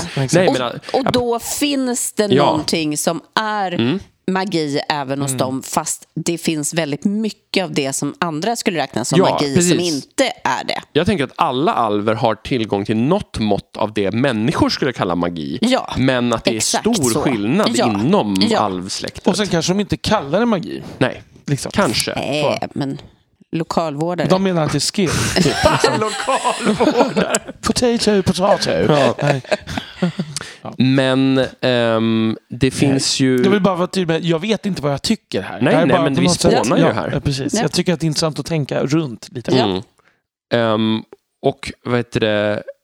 Tolkiens pratar ju också om, för han distingerar från alverna, för jag tänker att vi kan börja gå in på lite andra Mm. folkslag, när han pratar om hobbitarna i, i förordet. Han säger Mm. att den enda magi hobbitarna hade var att de kunde liksom slinka undan, men det var egentligen inte magi. För de har aldrig studerat någon, någon magi av något slag och den här und, så, vad det, undflyendet, eller hur de kan liksom, eh, komma undan, det är bara för att de är skickliga och de har en nedärvd skicklighet på något sätt och nära naturen. Så där menar han, det här är inte magi. Nej. Så, så där resonerar han ju ändå Ja, i termer ja, av magi eller inte magi. Mm. Och där, men där kan man ju också se skillnaden på Nej, de kan slinka undan och, och Mm. vanliga människor tycker att det är magiskt Mm. hur de försvinner.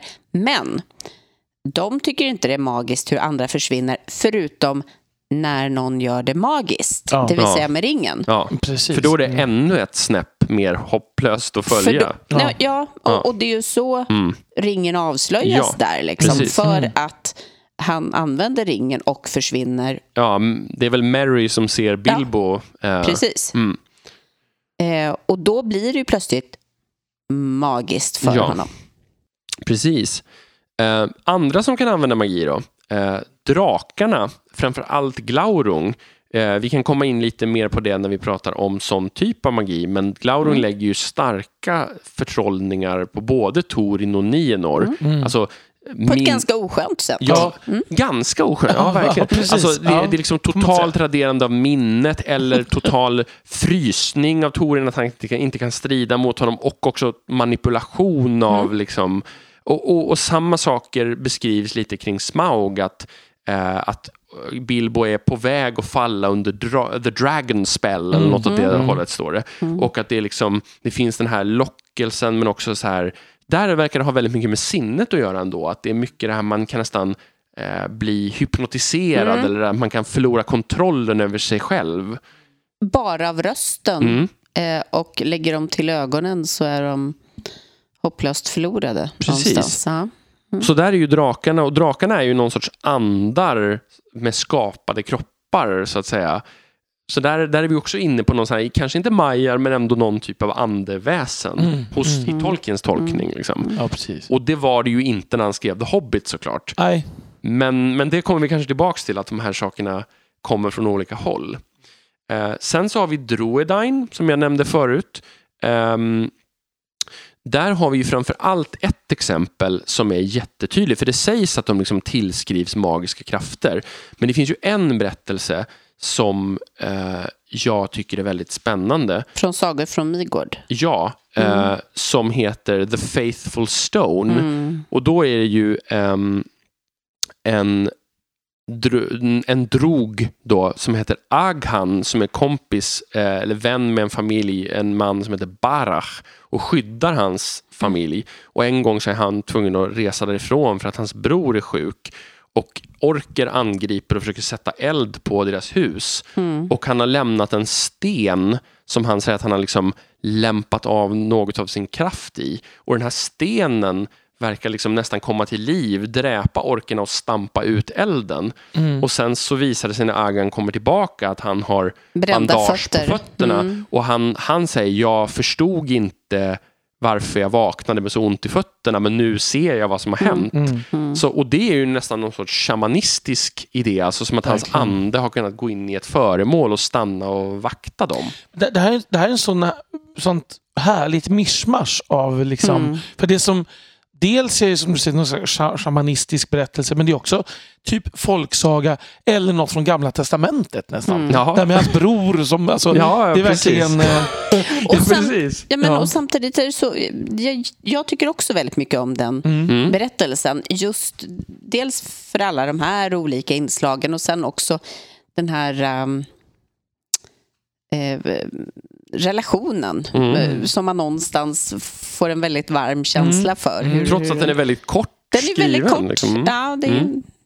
det är intressant. Och, och också tänker jag att de beskrivs som att de, de här stenarna Mm. eh, på vägen till... Eh, Dunharrow. ja, Mm. att, att det gav lite den... Ja, de är ju, kommer ju från samma tradition, Ja, att de är gjorda av dem för liksom. länge sedan. mm.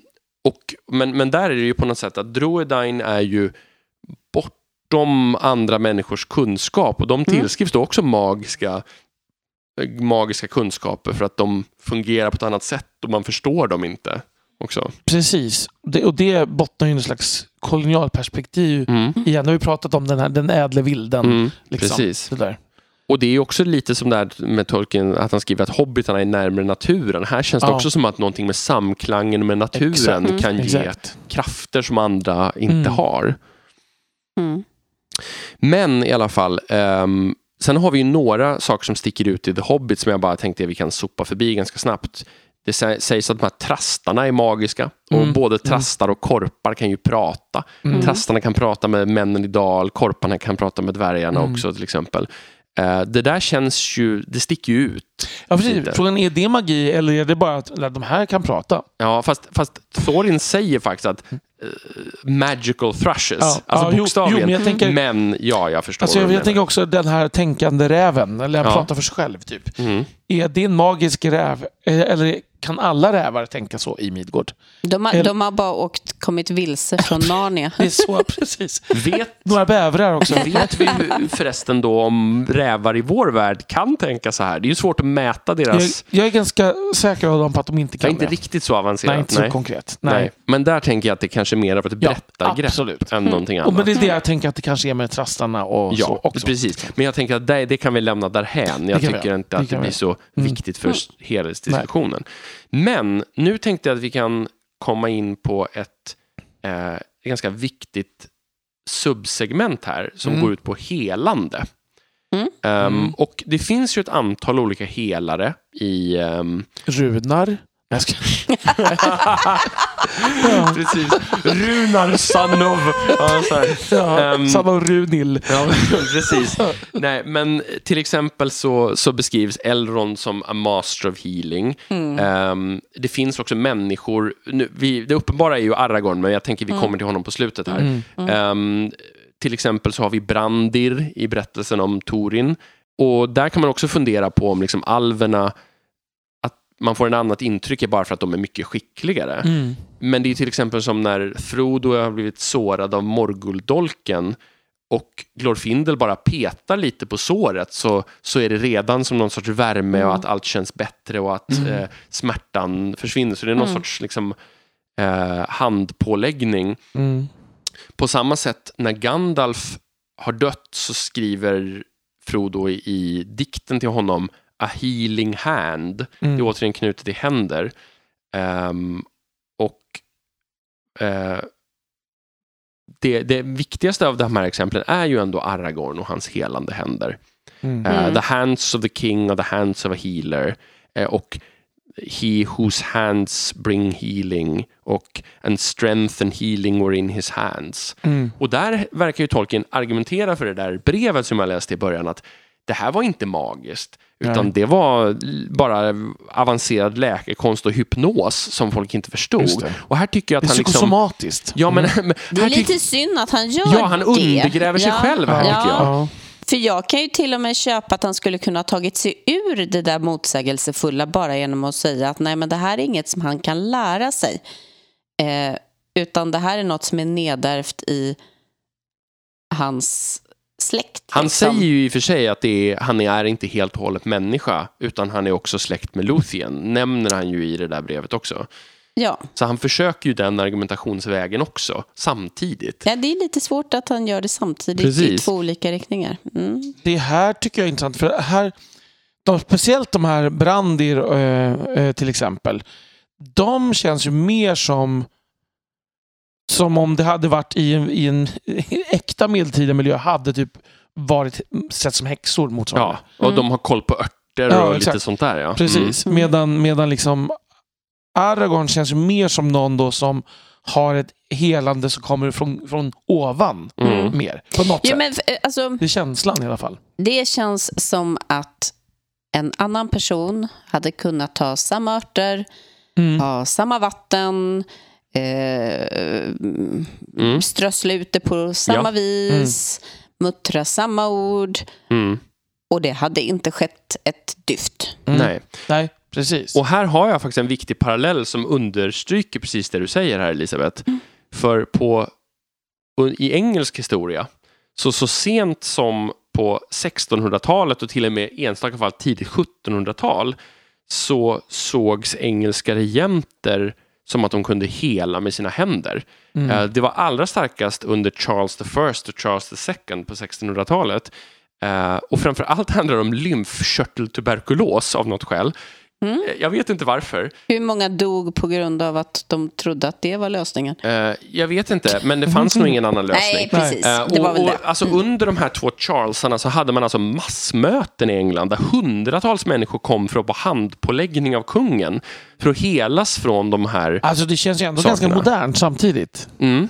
Det är Jo, men att det här precis. inte finns längre. Nej, men, men det var Fast liksom inte- stora ceremonier och det var ju just för att man var kungen som man hade de här helande händerna. Modigt skulle jag säga att skicka ut kungen bland all denna sjukdom och tänka att han blir Ja. inte smittad. Ja, nej, men, och uppenbarligen blev de ju inte det, för, men de hann inte få det i alla fall. Man vet, nej, Ehm, precis. De, nej. de, det gick ju De på andra ju sätt inte. med dem. De visste ju inte att det var så du smittade misstänkte jag. Nej, precis. Nej. Och det kanske, jag menar, det kan ju också vara så att många som jobbar på sjukhus eller eh, småbarnsföräldrar som har barn på, i förskola och sådär. Så de Sjukhuspersonal, småbarnsföräldrar, Ja. kungar. lika- Nej, men de träffar så många Ja, under så, precis. så, så Nu ska vi applådera Aragorn här. Det tror jag Mm. även eh, kung Carl Gustaf när han besöker sjukhus. Så, precis. ja, Precis. Prova Absolut. lite gammaldags handpåläggning. Ja. Ehm, men sen så tycker jag också att det är lite, i en annan eh, anteckning som är lite senare så har Tolkien eh, tillskrivit de här med helande händer till den här alvstenen, Elessar, Ja. som Enerdil gör och att den ska ge bäraren helande händer. Och det där tycker jag inte heller Nej, alls. tvek. Fett Nej, tvek. tycker det är jättedåligt. Nej, Ja. För det tar bort hela den här Ja. mytiska dimensionen med kungaskapet som han bygger upp så Ja, snyggt ja, där. precis. Hela poängen med Aragorn försvinner ju nästan. precis. Så bara, har man stenen så går det bra. Liksom. Ja, nej, men jag tycker ibland Nej. så lägger han krokben för sig själv. Liksom. Ehm, men, men jag tycker ändå att det där är liksom Helande är ändå ganska centralt Mm. och det, det riktas oftast mot människor, det är oftast läkekonst. Men eh, Tolkien pratar ofta, ganska ofta också om healing av liksom länder och landskap. Att Valar ska hela världen efter Melkors skador på den. Eller att bara havet skulle kunna hela Mordor. Alltså tänker Frodo och Sam när de går där, att det är så Mm, besmittat mm. och sådär. Eh, Och att alvernas syfte är att liksom hela och bevara landet på något sätt. Och det här finns en tydlig parallell ändå till helandet av folk. Men det är kanske mer den förhöjda nivån. Ja, men det känns också en aning bibliskt. Ja. Tycker jag. Alltså det här med att... Eller kanske inte just bibliskt, men Kanske mer, lite eskatologiskt, det här med liksom slutet om man ska, Ja. hela världen. Och liksom, Ja, lite det, men också tänka mer vardagskristendom. Liksom Mhm. att eh, typ, typ att nu har Gud sett till att det, blir, att det blommar i år igen. För att, liksom, Mm. alltså det här, eller nu, nu får Silla få en bra skörd i år. Liksom. Mm. Alltså vi ber. För, alltså, det, känns mer, det känns som den. Mm. Och det beror också på vilken också. syn man har på Gud där. För det finns ju olika, antingen att Gud har satt igång naturlagar eller Ja, att Gud exakt. tar alla beslut individuellt. Mm. Jag har alltid tänkt det är li- roligt med de här fotbollsspelarna som Exakt vad jag skulle... pekar på all- himlen och tänker, Ja. har Gud tid med det där verkligen? Eller, Ehm. vänta lite, håller de på ett av lagen? Ja, precis. Självklart. Vet du inte att Gud hejar bara på Panathinaikos? Eh, Jag tänker, att, Mm. jag tänker att om någon har tid så är det en sån Gud. jo, det är sant. Han, kan, han är bra på multitasking. Ja, verkligen. Så. Ja. Står Eh. man utanför tid och rum så har man ju kan- ganska... Ja. Ja, han kanske är som jag inom fotboll. Han hejar på personer, inte på lag. Kanske Ja. det. Precis. Så. Ehm, De gör rätt i... Ja, fortsätt bara. Mm, ja, nu, nu är vi på sidospår här. Men, men jag tänker samtidigt att liksom, eh, det känns ju som ändå som att healing, det är också ett sånt där, eller helande, det är också som en sorts flytande skala från det övernaturliga och mytiska i Aragorns händer till kanske Brandir som jag tror bara är, var duktig på örter. Mm, ja, och Eh, som skulle ha bränts Ja, men- på bål. Ja, Ja, kanske säkert. Ja. men det är ju det som skiljer. Det, det tror inte jag är magi. Alltså där är bara skicklighet. Men är det hos Elrond? Nej, Du, men du tror inte, är det inte magi när Glorfindel pillar på Frodos sår? Ja, okej. Så Elrond använder ingen magi när jo, han helar? jo, jo, jo. Eller? jo, tvärtom. Ja. Ja. Men, men däremot så finns det ju de här som bara är skickliga och kunniga i lära om saker och kan använda Mm. utan att det blir någon onaturlig... Jag förstår precis vad du menar. Eh, Ja. Alltså jag förstår, Alltså det går ju inte att prata om alver och prata om övermänsklig Nej. för att det är ju... det är de per definition. Ja. Men min poäng är att de ofta beskrivs i exakt samma termer. Mm. Alltså att Elrond är master of healing, Brandir är master of healing, men man får ju olika associationer genom annat. så att Mm. Också för var de befinner sig i narrativet, tänker jag. Ja. Alltså, om man är Silmarillion-person eller om man är en Lord of the Rings-person Ja. så betyder det här typ olika saker. Ja. tänker Jag. Mm. Jag, jag Den tänker ena är på... master of healing och den andra är um, överläkare. Ja. Mm. Ja. Precis. ja. Undrar var Brandir hade tagit sin PhD. Eh, så, Var hade gjort AT-tjänst. Mm. Nej, men... Eh, precis. Men jag tänker där med Elrond, återigen. Jag tror både Elrond och Glorfindel skulle sagt nej, det här är inte magi. Återigen. Ja, säkert. Mm. Det här är ju bara läkekonst. Mm. Liksom. Mm. Fast då tror jag ändå att det finns någon liten alv som inte skulle kunna göra så, inte kan göra sådär. Absolut. Eh, och Men- som skulle titta på Glorfindel och säga ja, Ja. han är, Men han är han, ju- han är magisk. Jo, precis. Men, men också, det är ju så att det, man har, ju- de har ju olika krafter Ja. beroende på vilken status de har. Och när Frodo ser Gl- Glorfindel med ringen på Ja. så ser han ju på något sätt hela hans kraftaura Ja, och ser vilken, vilken makt han Exakt. är på något sätt. Mm. Så, så det blir ju ganska tydligt att han faktiskt står över på Mm. något plan. Ja, ja. Liksom. Ja, Mm. ja han är ju plötsligt den här som har funnits och kommit tillbaka Mm och, och var stor och blev större.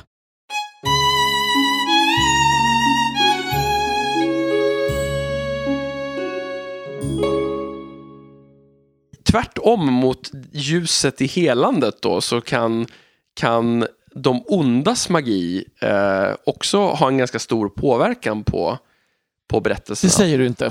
Ja, det, kan, man- det, det var ju Ja. sparka in öppna dörrar förstås. Ja. Mm.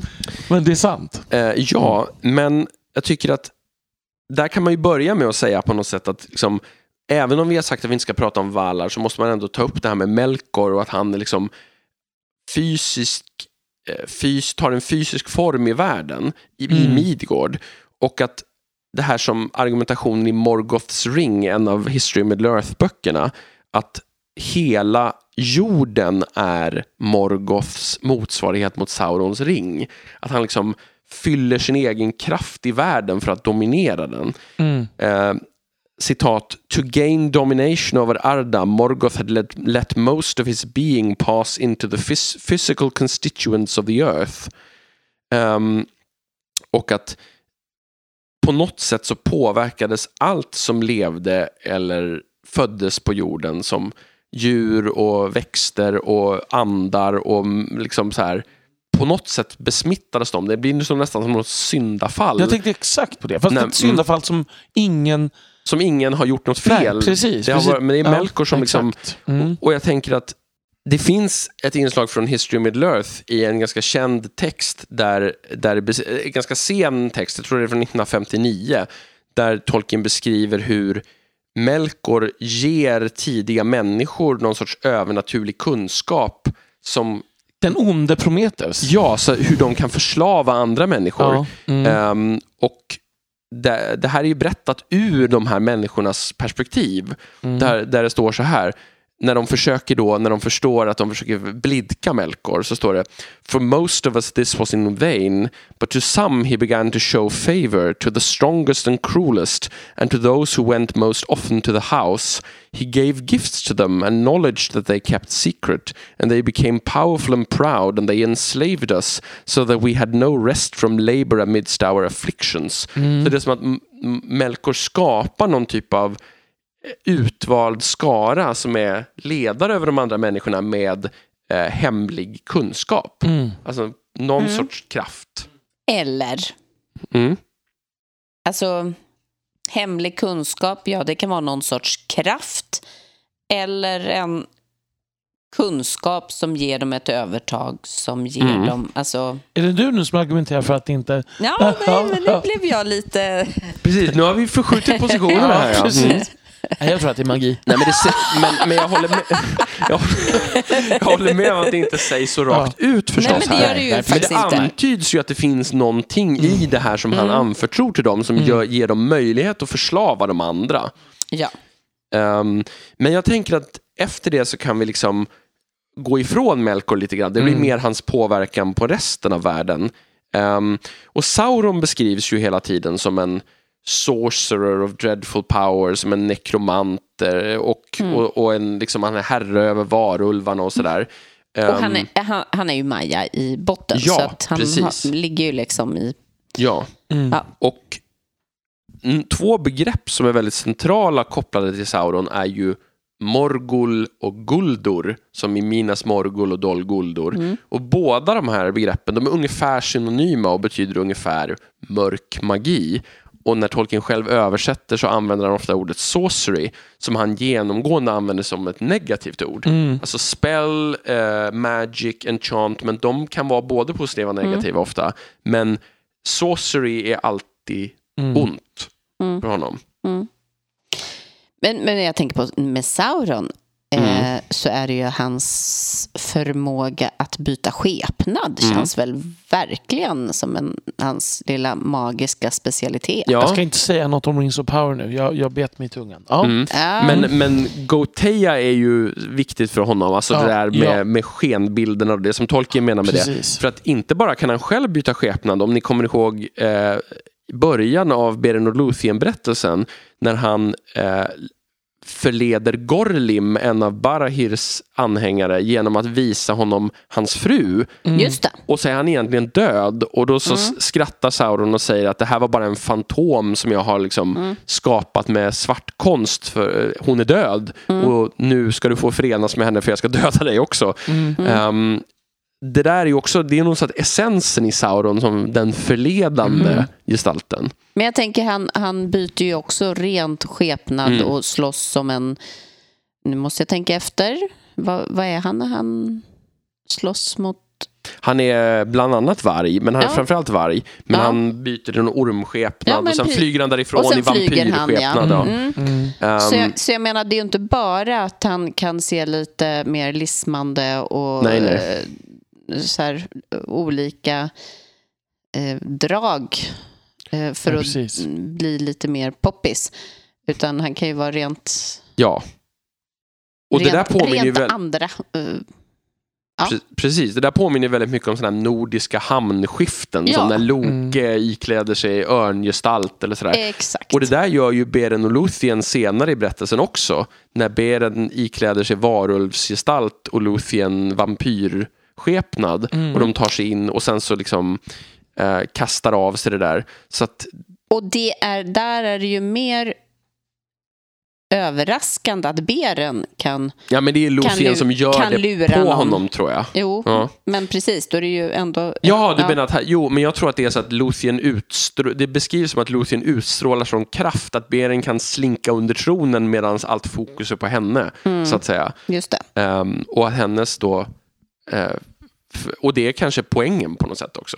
Mm. Ehm, Sauron, han, han är ju dels den här liksom, nordiska Mm. hamnbytaren. mm, Och sen har han ju verkligen liksom den här Lucifer-rollen ja, som, som frestar en. och förled, Och förleda- förledande, den, Men, och, och även liksom som, som liksom lurar folk till avgudadyrkan Ja, och sånt där. Alltså det, precis. det, han är ju så han är ju både en liksom nordisk bad guy och en biblisk bad guy. Verkligen. Mm. Devil Eh, in disguise. Ja, Mm. men det är också att de två delarna av honom känns ju nästan som olika. Och det är ju för att det är olika berättar. Mm. Det är det ju. Mm. Men de, är, ju- de, är, de händer ju inte samtidigt ofta. Nej. Eller ja, alltså, jo, han är ju en annan gestalt på Numenor till exempel. Ja. Men han är ju inte en, en varulv. Nej, nej, verkligen Nej, inte. men precis. Det, är ju, Ja. det steget tänker jag att det är två olika Ja, varianter av hamn. Ja, nej. Mm. Precis, och, och jag menar det som han gör för att tilltala alverna, numenoranerna och de här stora östorkerna som vi pratade om i ett annat avsnitt. Mm. Det skulle man ju eventuellt kunna göra med en bra stylist och makeupartist. Ja, exakt. men, Ja, men, men man blir inte så lätt en orm av Nej, det. nej, precis. Just det, roligt om, om man bara glömmer bort sig, så här, dålig dag, tänker fel. eh, tänker when you're in Rome liksom. Ja, sådär. Och så rackaren. Jag ty- jag, Attans, jag tog ormar Ja, precis. Han pratar med Kille Bimbo och bara shit, nu blev det fel. Precis. Jag skulle vilja se den så här, eh, dokusåpan med de som ska styla Sauron för hans olika liksom, eh, spa. Nu ska ju Sauron prata med östorkerna och då har ju vi fått i uppdrag att, liksom, och, så ska en- och så blir någon utröstad varje precis, gång. Sådär, precis. liksom, för att det här var inte alls tillräckligt Det är läskigt. liksom The. Office fast, fast i Midgård. Ja. Precis. Ja. Ehm, Ja, vad Ja, men, men, men i båda de här fallen så kan man väl ändå säga att Melkor och Sauron, de är ju Ainur från början, alltså båda två. De har ju det här med sig. mm. Och, och att det känns ändå naturligt att den här dimensionen finns i Ja, dem. absolut. Även om, som du säger, att Sauron framstår olika i sitt magiutövande Mm. i olika verk. Men det är inte bara, att, det är inte bara som en del. Det här är ju deras existens nästan. Ja, precis. Men jag tycker det blir intressantare när man går till deras tjänare här. Mm. Mm. För att The Witch King till exempel, han beskrivs som A great king and sorcerer he was of old and now he wields a deadly fear. Alltså han, redan förr var han en great king and sorcerer. Och han beskrivs bland annat som king of Angmar long ago, sorcerer, ringwraith. Ja, han då. heter Witch King. Ja, precis. Ja. Och, och vet du, jag, vet du, ordet witch förekommer i princip bara i koppling till Angmar. Mm. Det får koppling till honom som Witch King och Witch Lord och Angmar definieras som Witch Realm. Eh, och det är lite intressant för att eh, förutom där så förekommer Witch mer eller mindre bara om Morwen, eh, Torins mamma, där östringarna säger att hon är en witch, en häxa som har dealings with the white fiends, alltså alverna.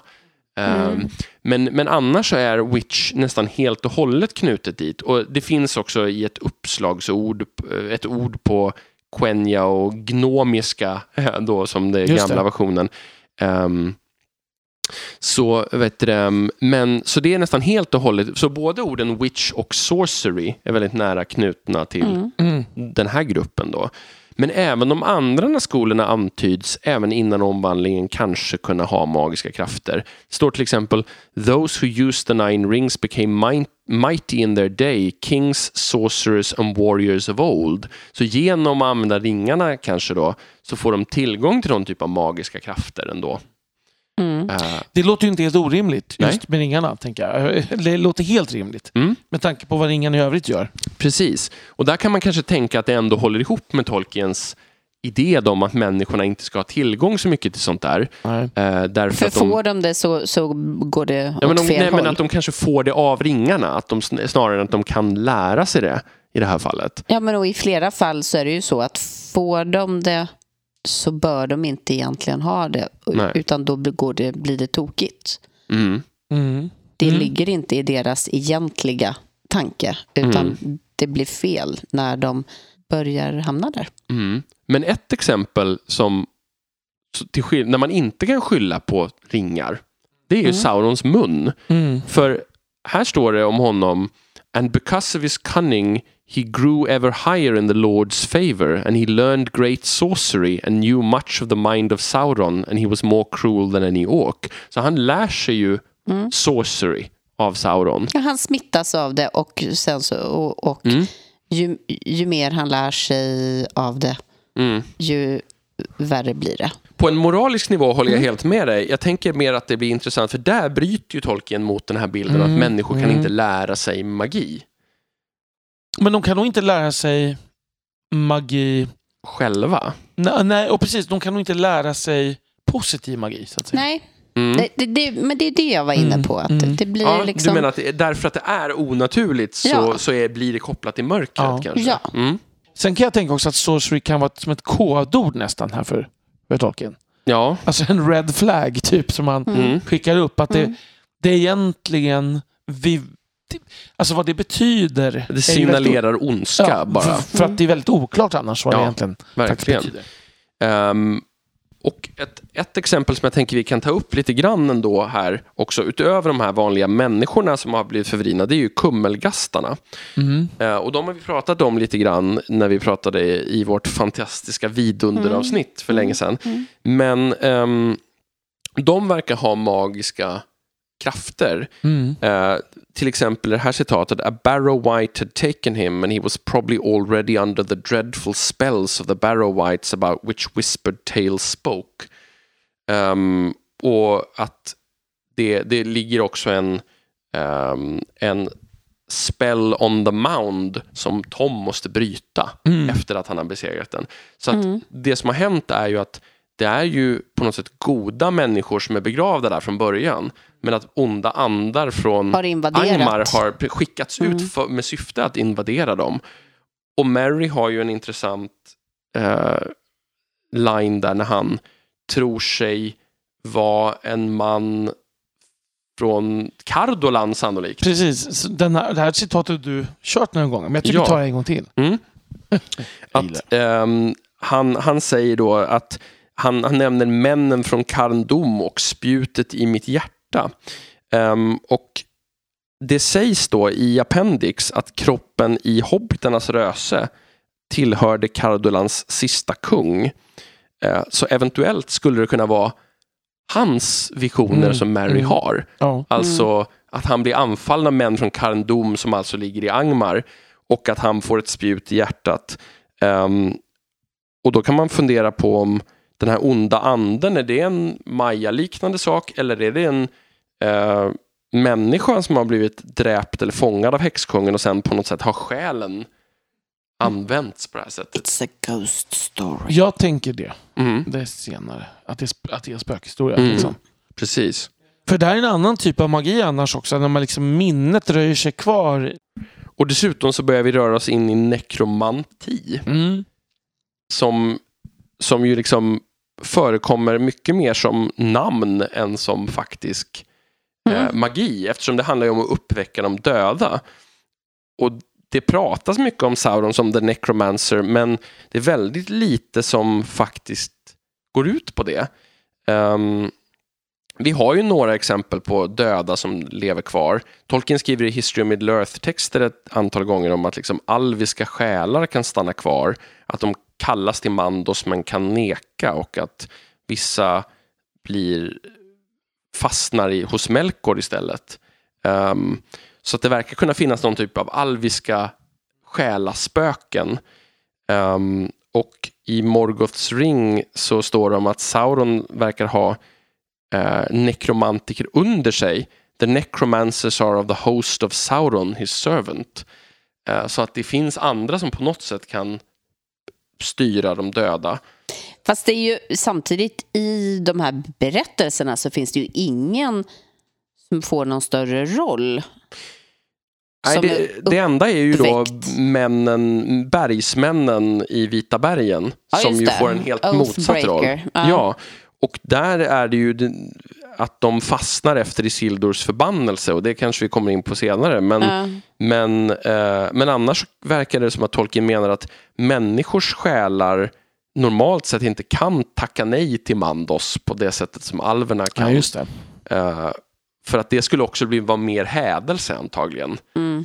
Eh, men en intressant sak, eftersom vi vet att Gorlim, som jag nämnde tidigare, som förråder Barahir, hans spöke eller ande eller något verkar ju komma i en dröm till Beren. Mm. Sannolikt efter att han redan är dödad och varna Beren så att han Just kommer det. undan. Men det här med människor som kom, dyker upp i drömmar Mm. finns ju senare exempel på också. Så är det ju. Mm. Hashtag Boromir. Hashtag Boromir, precis. Precis. Mm. Men jag tänker också en annan parallell, det är absolut en, men det är att både de här bergsmännen och Gorlim är edsbrytare. Ja, just det. Men, men att folk tror på spöken i Midgård, det har vi något exempel på. Till exempel när Horin släpps ut ur Angband så kommer han vandrande med uråldriga vapen och sådär. Och väktarna som står vid floden Teiglins vadställen tänker att han är någon sorts spöke ur en uråldrig gravhög Mm. och springer därifrån. Så de har ju ändå någon sorts föreställning om sådana spöken. Låt, nu kommer jag med mina Shakespeare-paralleller igen, men påminner inte det väldigt mycket om Hamlets far när han dyker upp? Liksom? Jo. Hos, de, hos de där soldaterna, som, Mm. vakterna. Liksom. Gud vad Tolkien har blivit arg på det här. Ja, för att du förlåt. Jag förlåt till Shakespeare. Ja, Ja. precis. Men en annan sån nekromantiparallell är att Peter Jackson försöker ju framställa det som att, att det är upp, att, att liksom att när skolorna är återuppväckta. Men i böckerna verkar de ju aldrig ha dött. Utan att de har liksom bleknat till någon sorts Mm. andetillstånd genom ringarna. De har liksom lakats ur Ja. på nästan. Alltså tömts. Mm. Och kanske är det lite likt hur Horin till exempel hålls vid liv mot sin vilja av Melkor. Mm, mm. Också i någon sorts... Mm. Alltså han ska sitta där och titta och han kan aldrig dö.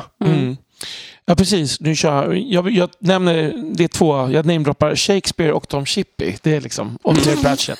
Eh, men Tom Shippey är väldigt inne på just ordet wraith, liksom. Mm. Att det, det betyder ju liksom inte spöke, utan Nej. det är ju det, har, det är besläktat med att förvrida och Mm. liksom, det, att det har med det att göra. Och det, så det, det talar ju för det, att det, Mm. det är liksom ett valt ord med omsorg. Liksom. Mm.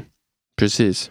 Mm. Och en annan aspekt av eh, necromancy är att i ett av indexen så över, översätter Tolkien Dwimmer-like som Eowyn kallar häxkungen för work of, till work of necromancy. Just det. Så det verkar ändå som att Tolkien, även om man inte menar att de är döda, associerar, eller att de verkar tänka på dem som döda. Mm. Alltså eh, Rohirrim. Han, han antyder ju ändå på något sätt att, att det finns en sån här koppling.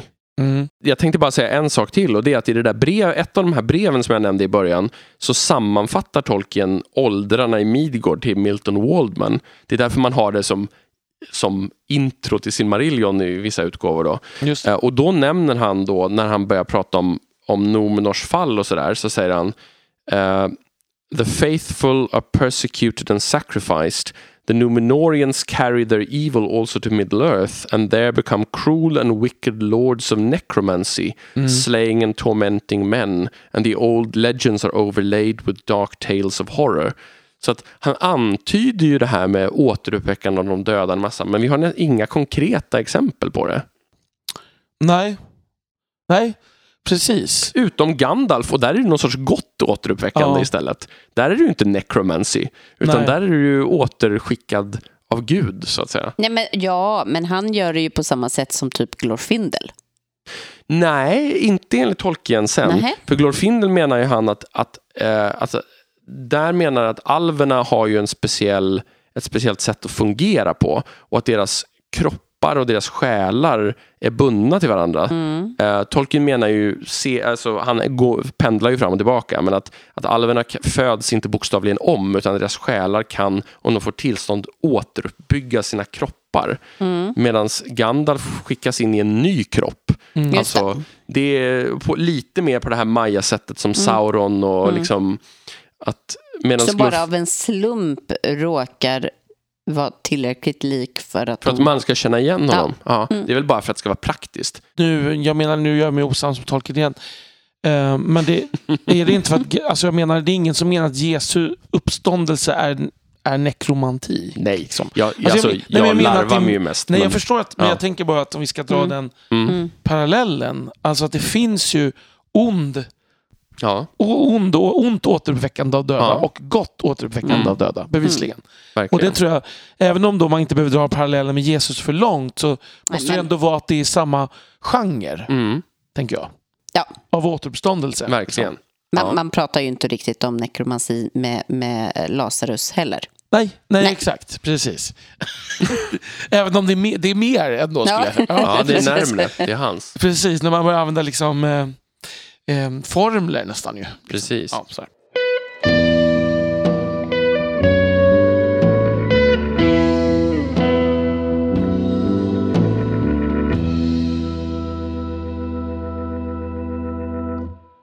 Och där har vi, har vi kommit en bra bit på väg och därför får vi bryta för den här gången. Men det kom, finns mycket kvar till eh, kommande avsnitt. Så eh, redan i nästa avsnitt så kommer den tillämpade magin att fortsätta och någon gång framöver så kommer vi att prata om magi bunden i föremål, platser och eh, arkitektur och sånt. Mm, precis. Men det här har varit jättespännande tycker jag hittills. Ja, men verkligen. Ja, to be continued. Hoppas att ni lyssnare också tycker det och hänger med på andra halvan eh, som kommer om en månad. Ha det så bra tills dess så hörs vi. Hej då! Hej då! Hej hej!